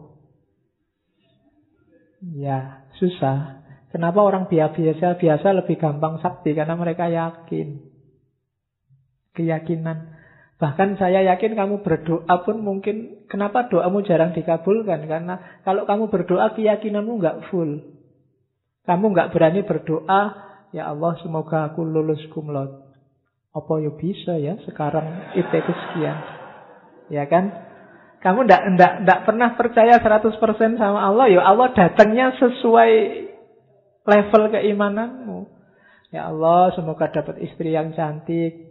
Bisa ora ya aku wajahku cuma kayak gini aja ndak bisa. Ya kan? Ndak ndak 100% kamu yakinnya pada Allah. Kadang-kadang kamu berdoa, ya Allah, rezeki yang lancar, istri yang cantik, kemudian hidup yang apa ya mungkin itu kabul. Kamu kan agak-agak gimana? Ya percaya sih Allah bisa mengabulkan, tapi keyakinanmu ndak full. Ya Allah datangnya ya sejauh yang kamu yakini.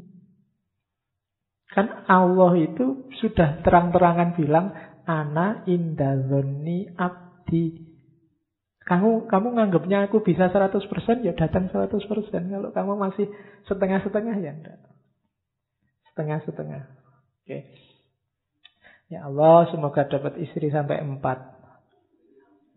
Ketok susah ya. Ya sudah susah memang. Kamu sendiri nganggapnya susah kok.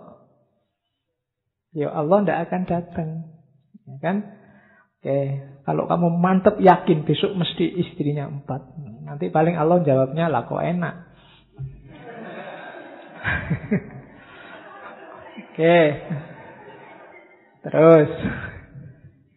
Nah, ini Sair yang paling terkenal lagi dari Sunan Kalijogo. Lir ilir. Ya, lir ilir jangan diartikan ilir-ilir kipas-kipas ya. Ya, itu carilah terjemahannya banyak. Ini bis, ini teks yang sangat terbuka. Menurut saya canggihnya Sunan Kalijogo. Orang bisa menafsirkan ke mana pun sesuai posisinya masing-masing. Tembang ini. Lir ilir itu Kayak gugah orang. Tang, ngelilir kalau bisa jawab. Ngelilir itu kan tangi. Lir ilir itu kayak tangio. Bangunlah. Bangkitlah. Tandure wis sumilir. Tanamannya sudah mulai tumbuh. Tak ijo royo-royo, tak sengguh kemanten anyar. Segar sekali warnanya hijau. Membahagiakan sekali. Kayak bahagianya pemanten baru. Oh itu kan tafsirnya bisa macam-macam. Bangunlah. Sekarang situasinya sudah mendukung. Nah, itu kan bisa kamu masukkan siapa saja. Kayak kamu, eh, mahasiswa aktiflah, nulislah. Fasilitasnya sekarang banyak, itu juga bisa. Eh, pemimpin, ayo bangkit. Ini sekarang apa-apa sudah mudah. Eh, itu bisa, siapa saja bisa masuk ke situ. Lir ilir, tandune wis sumilir, tak royo, tak sengguh temanten anyar. Jadi, ayo kita bangkit. Sekarang situasinya sudah memungkinkan. Fasilitasnya sudah lengkap nih. Terus, cah angon, cah angon, penek no blimbing kui. Lunyu-lunyu penek no kanggo masuh dodot iro. Nah ini cah angon itu juga bisa siapa saja, termasuk dirimu sendiri. Kullukum ro'in, setiap orang adalah pemimpin, setiap orang adalah cah angon. Paling tidak kamu sedang angon dirimu sendiri. Penek no belimbing kui. Ibaratnya pakai belimbing ya. Banyak keutamaan-keutamaan yang memang jumlahnya lima. Rukun Islam, Pancasila. Banyak yang isinya lima. Bahkan sebelum ada Pancasila Indonesia itu kan ada di Jawa dulu Pancasilanya Buddha. Itu juga isinya mirip kayak Ten Commandment-nya, 10 perintah Tuhannya Musa, jangan membunuh, jangan bohong, dan macam-macam. Itu juga belimbing. Lunyu-lunyu penek no, kanggo basuh dodot iro. Meskipun licin, harus, harus kamu panjat. Meskipun susah, keutamaan-keutamaan itu harus kita panjat. Kanggo basuh dodot iro. Untuk membersihkan, untuk mencuci baju kita. Baju itu ibarat dari diri kita. untuk membersihkan diri kita. Wahai para pemimpin, termasuk pemimpin dirimu sendiri, naiklah, panjatlah blimbing itu, lakukanlah keutamaan-keutamaan itu, jalankan yang baik-baik itu meskipun susah. Untuk apa? Untuk membersihkan dirimu, untuk membersihkan diri kita. Kenapa sih harus dibersihkan dodot iro, dodot iro, kumitir bedah ing pinggir. Dondomono jelumatono kanggo sebo mengkusure. Ya dodot itu baju. Ya, tadi kita artikan diri. Bajumu, itu kan dodot iro, itu robek pinggirnya. Dodot itu kalau Jawa mungkin lebih ke jarit Orang Jawa itu kan meskipun laki-laki dulu kan bawahnya pakai jarit. Bajumu itu sekarang sedang sobek pinggirnya, ndak utuh. Ya karena nafsu. Maka jahitlah, rawatlah, biar bagus. Untuk apa? Untuk sebo mengkusuri. Sebo itu menghadap Sebo kalau orang Jawa menghadap ke raja, menghadap ke orang yang dimuliakan itu sebo. Untuk biar nggak malu kalau ketemu Tuhan, jahitlah bajumu, perbaiki dirimu. Mumpung padang rembulane, mumpung jembar kalangane. Mumpung masih jelas, masih terang mana benar, mana salah. Mumpung kesempatan itu datang Mumpung tandure wis sumilir tak ijo royo-royo tak sengguh kematen anyar. Ayo melakukan suluk memanjat belimbing meskipun lunyu. Dan terakhir ya surah o surah iyo. Ini surah itu disuruh bilang. Sudah ya, sudah tak kasih tahu, ayo bilang iya. Jangan bilang tidak. Karena ini memang tugas kita sebagai manusia surah. Oh surah, iya kalau ada perintah yang baik, iya kan. Jangan ditidakkan, jangan didiskusikan kelamaan nggak jalan-jalan. Ayo diiyakan aja terus dijalani. Yo surah, oh surah, yo. Ini teks yang terbuka bisa masuk ke mana-mana dan pada siapa saja. Itu lir ilir. Ini nasihat Sunan Kalijogo pada Sunan Tembayat. Sunan Tembayat itu mantan Bupati Semarang zaman itu. Saya ambil karena terkenal juga sering disebut orang. Jadi urip iku nang dunyo tan lami. Umpamane jebeng menyang pasar, jebeng itu engkau um, sekiranya engkau ke pasar tan langgeng ning pasar bae. Tan wurung nuli mantuk mring wiswane mring wismane sangkane uni. Jadi hidup di dunia ini tidak selamanya. Hidup di dunia ini kayak kita pergi ke pasar. Ya seneng sih di pasar itu ada macam-macam. Yang kita butuhkan ada. Tapi tan langgeng neng pasar baik. Kita tidak akan selamanya ada di pasar. Emangnya ngapain kita di pasar terus? Wong pasar itu ada masanya. Pasti akan pulang. Pulangnya ke mana? Mering wiswane sangkaning uning. Ke rumahnya asalnya dulu. Jadi hidup di dunia ini kayak orang ke pasar. Ibu pergi ke pasar. Nah, itu kan pasti pulang. Kecuali ibunya jalan-jalan dulu. Tapi lama-lama juga pasti pulang. Ya kecuali minggat. Itu kan wong ngeyel kamu kan selalu begitu. Oke, jadi pasti kembali ke rumah. Kita pasti akan kembali ke asal. Itu nanti ajarannya kan namanya sangkan paraning dumati. Kita asalnya dari mana akan kembali ke situ. Dan Al-Quran menyebutnya tegas. Asalnya dari Allah, kembali ke Allah. Innalillahi wa inna ilaihi roji'un. Makanya kalimat selanjutnya, jangan meragukan asal usulmu. Nanti semua orang akan tahu kalau asalnya dari rumah yang dulu.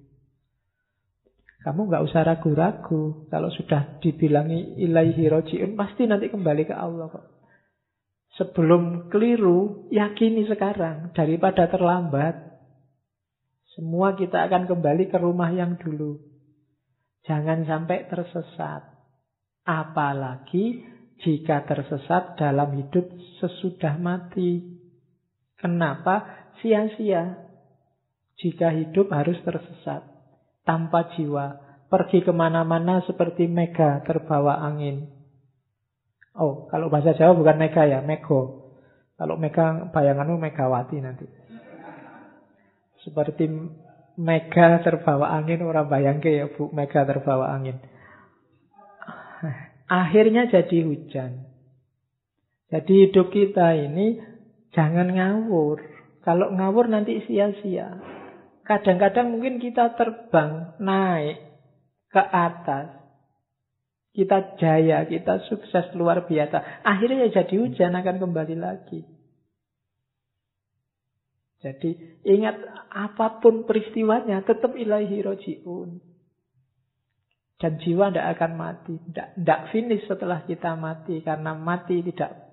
Karena jiwa tidak akan mati. Kekal abadi dunia akhirat. Jadi awas keliru. Jangan tersesat.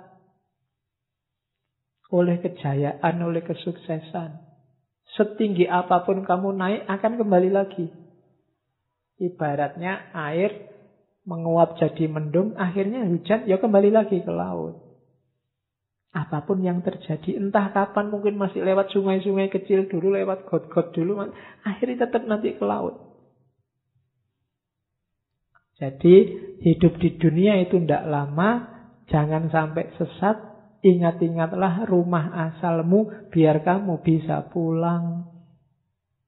Kalau kamu nggak bisa pulang, kamu bingung nyari rumah, ya kamu pusing sendiri, tersesat, nanti lama pulangnya.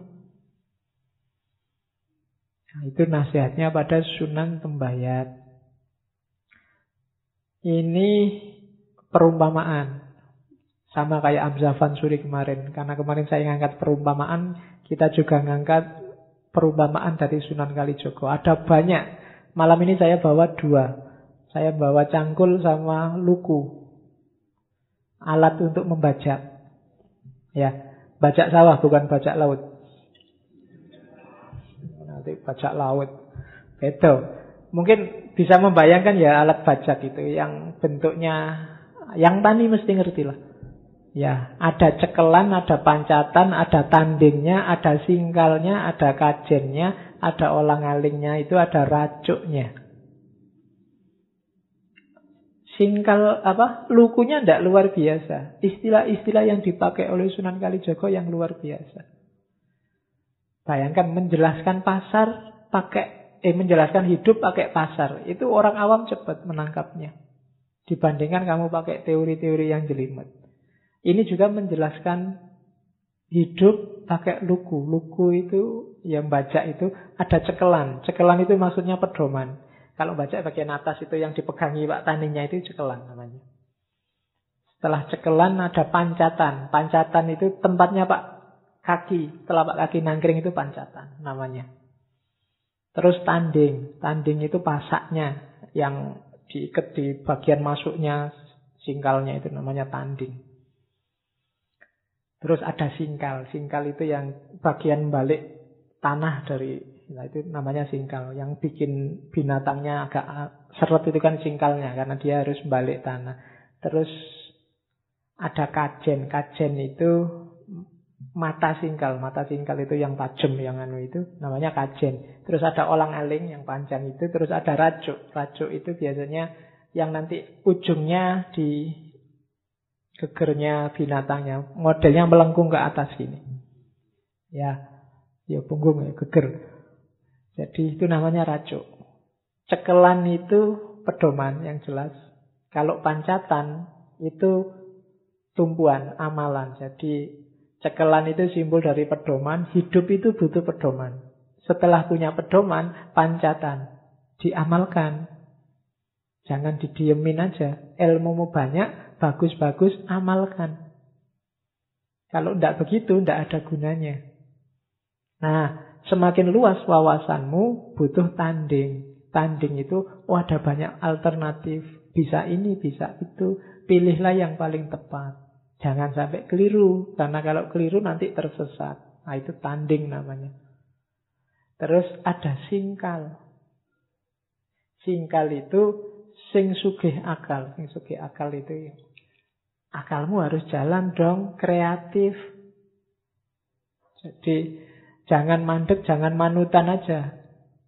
Itu singkal. Nanti ada filosofinya lebih panjang. Bagaimana tanah itu dibalik.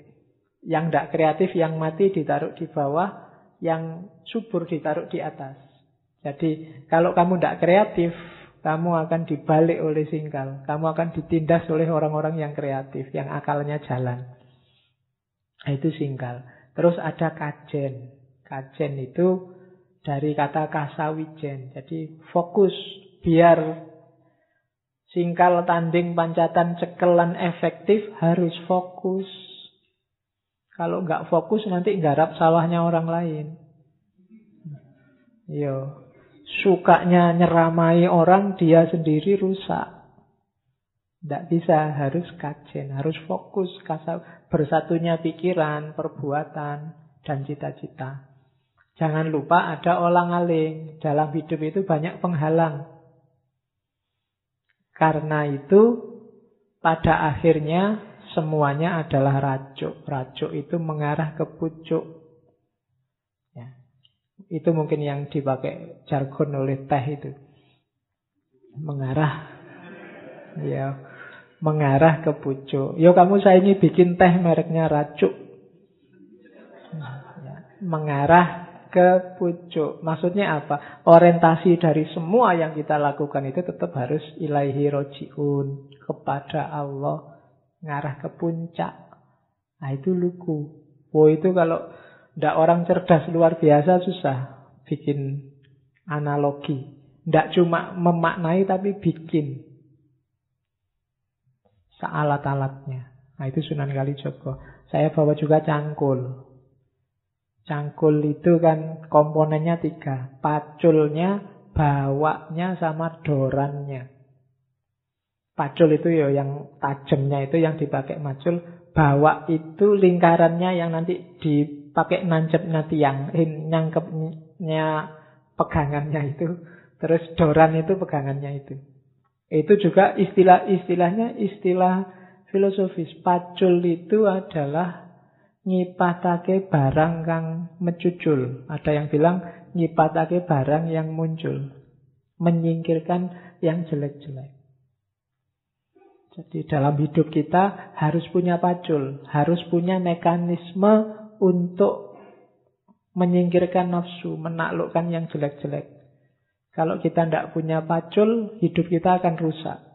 Karena kejelekan pasti datang. Apakah itu pikiran jelek, niat jelek, keinginan jelek.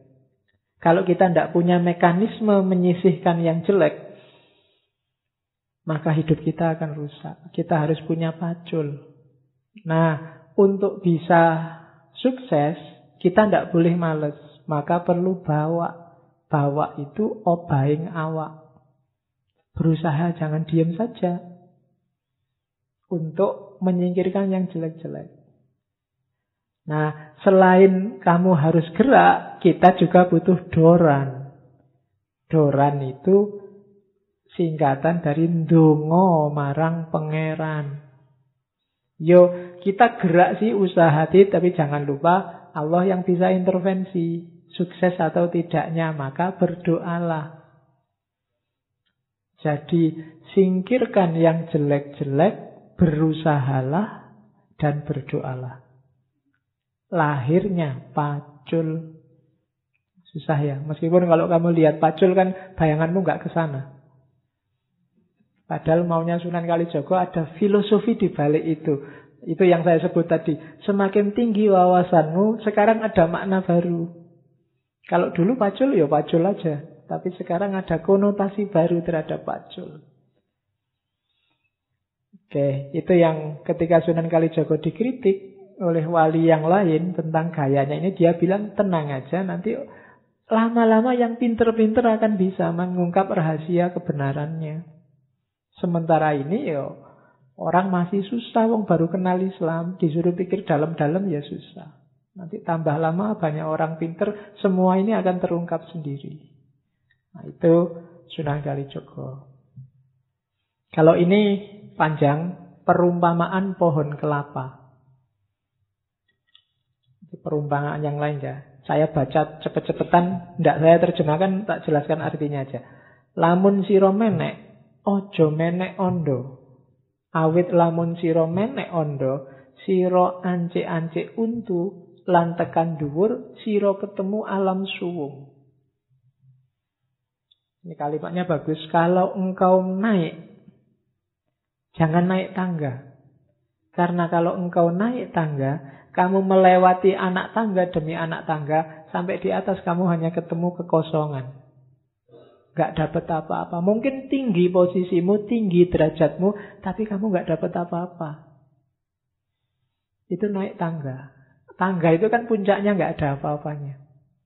Jangan sampai aktivitas kita, jadi apa pun posisi kita, kita naik tangga. Karirnya meningkat, status sosialnya semakin tinggi, tapi hampa, tidak ada apa-apa, tidak ada maknanya. Hidupnya muter aja. Muter itu dalam arti ya kerja, makan, bikin rumah bagus, nanti mati diwariskan ke anaknya, anaknya juga begitu, kerja, makan, dapat. Jadi anaknya terus. Kalau yang ini ditanya, sampai kerja keras pak, demi anakku. Nanti anaknya juga kerja keras juga, demi anakku juga. Lu kapan berhentinya? Kekosongan, tidak ada makna. Bukan berarti nggak boleh demi anaknya. Tidak apa-apa aku sengsara. Aku bodoh juga tidak apa-apa. Yang penting anakku pinter. Anaknya nanti juga gitu juga. Aku bodoh ya apa-apa. Sementing anakku pinter. Nanti anaknya juga begitu. Nah, itu. Kayak kamu kan juga gitu. Wah filsafat susah. Tapi penting, besok anakku lah belajar filsafat. Jadi anakmu juga gitu, susah filsafat. Anakku aja lah. kapan sing pinter filsafat apa terusan? Ya kan? Mungkin kamu naik tinggi, tapi kamu naik tangga. Yang akhirnya keangkap, kehampaan. Naiklah kelapa. Oke. Nanging lamun siro menek, menek wit galinggang. Wit galinggang itu kelapa. Siro bakal ngelewati tataran lan ngerangkul wit galinggang. Tekan dhuwur siro ketemu apa? Siro bakal ketemu woh. Ya wohe galinggang. Jadi kalau kamu naik, naiklah kelapa. Sampai di atas, buahnya ada jelas. Dan ada tatarannya buahnya itu. Saya ringkes ya. Buahnya itu diawali dari manggar. Setelah manggar ada bluluk, terus cengkir, terus degan, terus kelopo. Ada levelnya. Kematangan ilmu, kematangan beragama, kematangan hidup itu harus step by step sesuai levelnya. Sampai puncak. Di luarnya perangan jobo siro ketemu apa? Ada tepes, wate enteng, masuk ke dalam lagi ada batok, masuk ke dalam lagi ada apa degannya, masuk ke dalam lagi ada airnya. Bahkan masuk ke dalam air ada lagi rasanya. Degan itu kan itu. Di luar badoknya yang keras, di balik badok ada dagingnya, di balik daging ada airnya, di balik air ada rasanya. Masuk lagi ke dalam rasa, siro akan ketemu janur. Kelapa itu kalau kalian naik ke puncak, di sana akan ada janur. Janur itu apa? Singkatan dari jati ning nur. Cahaya yang sejati dan itulah Nur Muhammad. Ini filosofinya panjang ya. Nanti kapan-kapan kita bedah khusus kitab Suluk Linglung. Tapi next time. Oke. Ini yang terkenal di mana-mana di internet disebar. 10 wejangannya Sunan Kalijogo. Jadi selain yang tak sebut tadi, di banyak babat dan serat, Sunan Kalijogo ini disebut. Ada babat Tanah Jawa disebut. Di babat demak disebut. Di beberapa serat-serat babat juga beliau disebut. Dan ada yang memeras ajarannya Sunan Kalijogo untuk masyarakat Jawa itu secara umum 10 ini. Yang pertama, urip iku urup. Urup cahaya ya, bukan urup ijolan. Nanti urup itu urup, ijol-ijolan. Kenapa urip itu urup? Berarti hidup itu kita harus bercahaya dan bisa mencahayai yang lain. Urup itu kan menerangi sekitarnya, nyala. Cuma untuk bisa menerangi sekitar, kita duluan harus bisa bercahaya. Kalau enggak ya enggak mungkin. Berarti apa? Nyalakan diri sendiri kita dulu, baru kita jadi urup. Yang bisa mencahayai yang lain. Itu urup itu urup. Yang kedua, ini yang terkenal, memayu hayuning bawono ambrasto dur angkoro. Bahasa agamanya amar ma'ruf nahi mungkar. Terus yang ketiga surodiro jaya ningrat lebur dening pangastuti. Percayalah yang jahat, yang jelek, yang rusak pasti akan kalah oleh kebaikan. Percayalah ini dan jangan setengah-setengah. Biar kalau melakukan kebaikan kalian mantep. Biar nggak kayak tadi yakinnya cuma 50%, 10%. Kamu nggak percaya sama Allah. Jadi surat dirojaya nirat lebur dining pangasuti. Di level apa pun. Siapa pun yang melakukan kejelekan pasti akan hancur. Entah sekarang, entah besok, entah kehancuran dalam bentuk apa. Percayalah itu. Yang ketiga. Yang keempat, ngeluruk tampo bolo, menang tampo ngasorake, sekti tampo aji, sugih tampo bondo. Oh ini yang berat-berat entah gimana. Ngeluruk tanpa bolo itu bisa menggerakkan orang tanpa pasukan.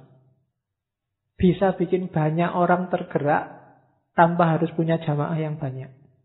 Ngeluruk tanpa bolo. Gara-gara kehadiranmu orang jadi berbuat baik semua tanpa harus kamu deklarasikan ini jamaah kita semua sedang geruduk ke sana. Ngeluruk tanpa bolo itu tidak membanggakan kuantitas.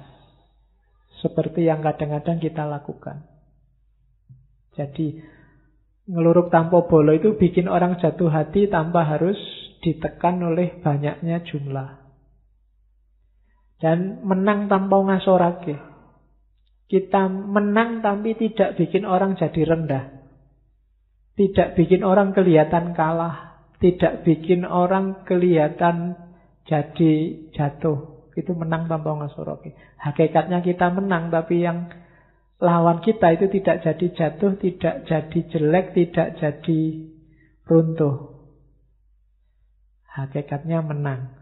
Sakti tanpa aji. Tanpa harus punya ajian macam-macam. Kita punya daya. Sakti tanpa aji itu berarti apa? Ilmunya tidak tergantung pada diri kita tapi pada di luar kita ya maunya pada Allah. Para wali itu sekti tanpa aji. Waktu dibutuhkan bisa. Sunan Bonang itu waktu butuh nunjuk pohon aren itu jadi emas. Tapi ilmu nunjuk jadi emas ini tidak ada di Sunan Bonang. Adanya hanya di Allah. Itu seizin Allah. Jadi iseng-iseng tidak bisa Sunan Bonang tiba-tiba santai ada kelapa ting emas. Ting kelapa lagi ting. Tidak bisa. Jadi sekti tanpa aji. Kalau sekti dengan aji itu adanya di kamu bisa diulang-ulang bisa, tapi sekti tanpa aji bukan di kita. Kesaktian kita tergantung di luar kita. Maksudnya di luar diri kita. Jadi Allah. Jadilah orang yang sekti tanpa aji. Berarti kita disayang Allah. Dan sugih tanpa bondo. Sugih tanpa bondo itu kaya tanpa harus kelihatan punya banyak materi. Karena kaya dan tidak kaya itu tergantung batin kita. Kalau ini sudah banyak dijelaskan. Terus datan serik lamun ke taman, datan susah lamun kelangan. Tidak dengki, tidak iri, tidak mangkel pengen balas dendam kalau ke taman. Ke taman itu tersinggung, diserang, dijatuhkan, dilecehkan. Tidak. Hatinya tidak cacat gara-gara itu. Tetap jalan di jalur yang baik. Dan datang susah lamun kelangan. Tidak susah. Kalau kehilangan apa pun karena tidak ada yang milik kita sendiri. Bahkan badan kita juga bukan, bahkan nyawa kita juga bukan milik kita. Semuanya yang punya Allah. Tidak ada yang bikin susah kalau kehilangan sesuatu karena hakikatnya kita tidak punya apa-apa. Yang keenam, ojo gumunan, ojo getunan, ojo kagetan, ojo aleman. Ini rata berat. Jangan mudah wow. Gumunan itu kan wow. Ya. Emang gue harus bilang wow gitu. Nah itu ojo gumunan. Itu teorinya Sunan Kalijogo. Terus ojo getunan. Jangan gampang menyesali sesuatu yang sudah lewat. Getun menunjukkan kita tidak ridho, tidak rela dengan ketetapannya Allah. Ojo kagetan. Karena Kaget itu menunjukkan kita tidak percaya bahwa Allah bisa bikin apa saja sesuai keinginannya. Ada apa pun jangan kaget biasa. Ada orang bisa ini, bisa itu, ada peristiwa ini, peristiwa itu, ya biasa. Kalau Allah menghendaki apa sih yang tidak bisa? Itu namanya tidak gampang kaget, tidak gampang wow. Terus ojo aleman, aleman itu manja. Ya jangan manja. Manja itu sumbernya orang terus jadi males dan bergantung pada yang lain. Terus ojo ketungkul marang kalungguhan, kadunyan lan kamarman. Jangan sampai kamu ditaklukkan oleh derajat, posisi, dunia, kekayaan, dan kesenangan. Jadi hampir semua sufi bilang kayak gini ya. Jangan sampai dunia menaklukkan kita. Apakah itu kalungguan, kadonyan, atau kamarman. Nyari seneng saja, nyari kaya saja, atau nyari posisi derajat saja. Yang kedelapan, ojo keminter, mundak keblinger, ojo cidro, mundak ciloko. Keminter itu pura apa? Jadi ndak pinter, pura-pura pinter. Untuk minter ya orang lain. Dan ojo cidro. Mundak ciloko. Cidro itu menyalahi janji tidak bisa dipercaya. Cacat secara sosial. Kalau kita cacat secara sosial kita akan celaka. Ojo milik barang kang melok, ojo mangro mundak kendo.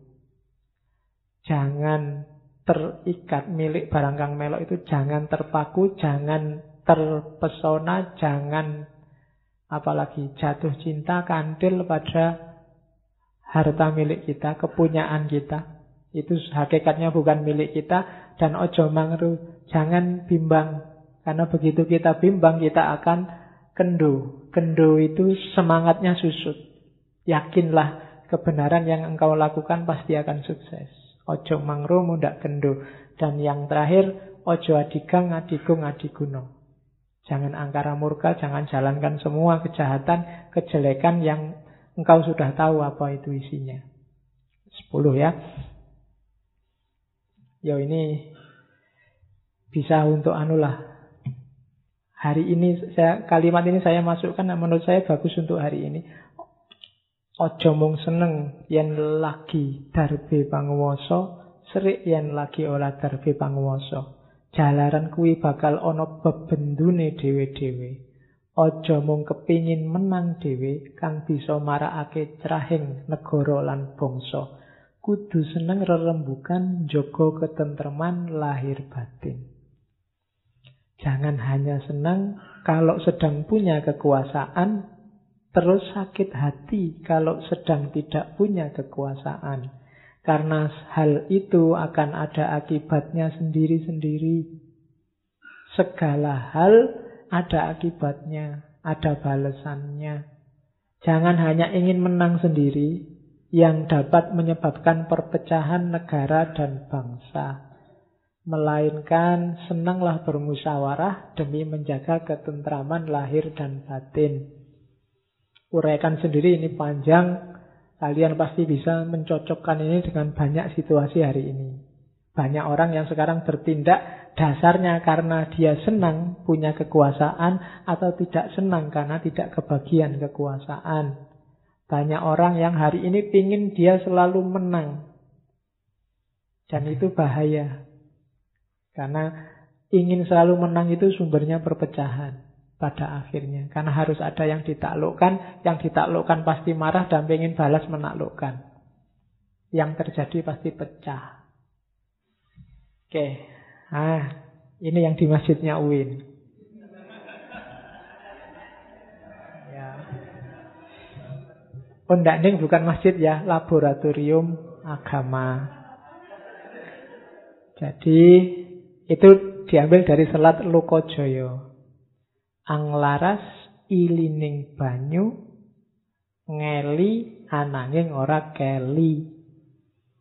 Hidup ini harus update Anglaras ilining banyu itu ngerti situasi hari ini dan ikut logika zamannya. Cuma ora keli tidak tenggelam. Ngeli itu kan ikut mengalir, Neng ora keli tapi tidak tenggelam, tidak hanyut. Jadi ikutlah aliran zamanmu, ikutlah logika hidup hari ini. Kalau hari ini ada WA, ya pakailah WA. Kalau hari ini ada Facebook, ada internet, pakai semua tidak masalah. Tapi jangan sampai kamu tenggelam. Kamu punya prinsip-prinsip hidup, kebaikan, keindahan, kebenaran. Jangan kalah hanya gara-gara kamu ngeli. Pertahankan itu. Kalau itu hilang berarti kamu tidak sedang ngeli, tapi sedang keli. Kamu sedang tenggelam. Jangan tenggelam. Tapi juga jangan kuper. Tidak mengikuti zaman. Jadi ikutlah zaman tapi tetap ora keli. Kalau zaman ngejak yang jelek ya ditolak. Ngejak yang tidak indah ya ditolak. Ngejak yang tidak benar ya ditolak. Meskipun perangkat zaman tetap kita pakai anglaras ilining banyu. Oke, alhamdulillah pengantar untuk Sunan Kalijogo sudah ya. Yo kapan-kapan kita lebih dalam. Sebenarnya masih banyak kearifan-kearifan Sunan Kalijogo. Alhamdulillah sudah minggu depan kita jalan-jalan ke Kalimantan. Ketemu Syekh Muhammad Arsyad Al-Banjari. Kita lihat beliau tokoh sufi dari Torekot Samaniyah tapi sekaligus ahli fikih. Ada apa yang diajarkan beliau kita ketemu minggu depan. Saya akhiri sekian, kurang lebihnya mohon maaf. Wallahul muwafiq, wallahu a'lam bisawab. Wassalamualaikum warahmatullahi wabarakatuh.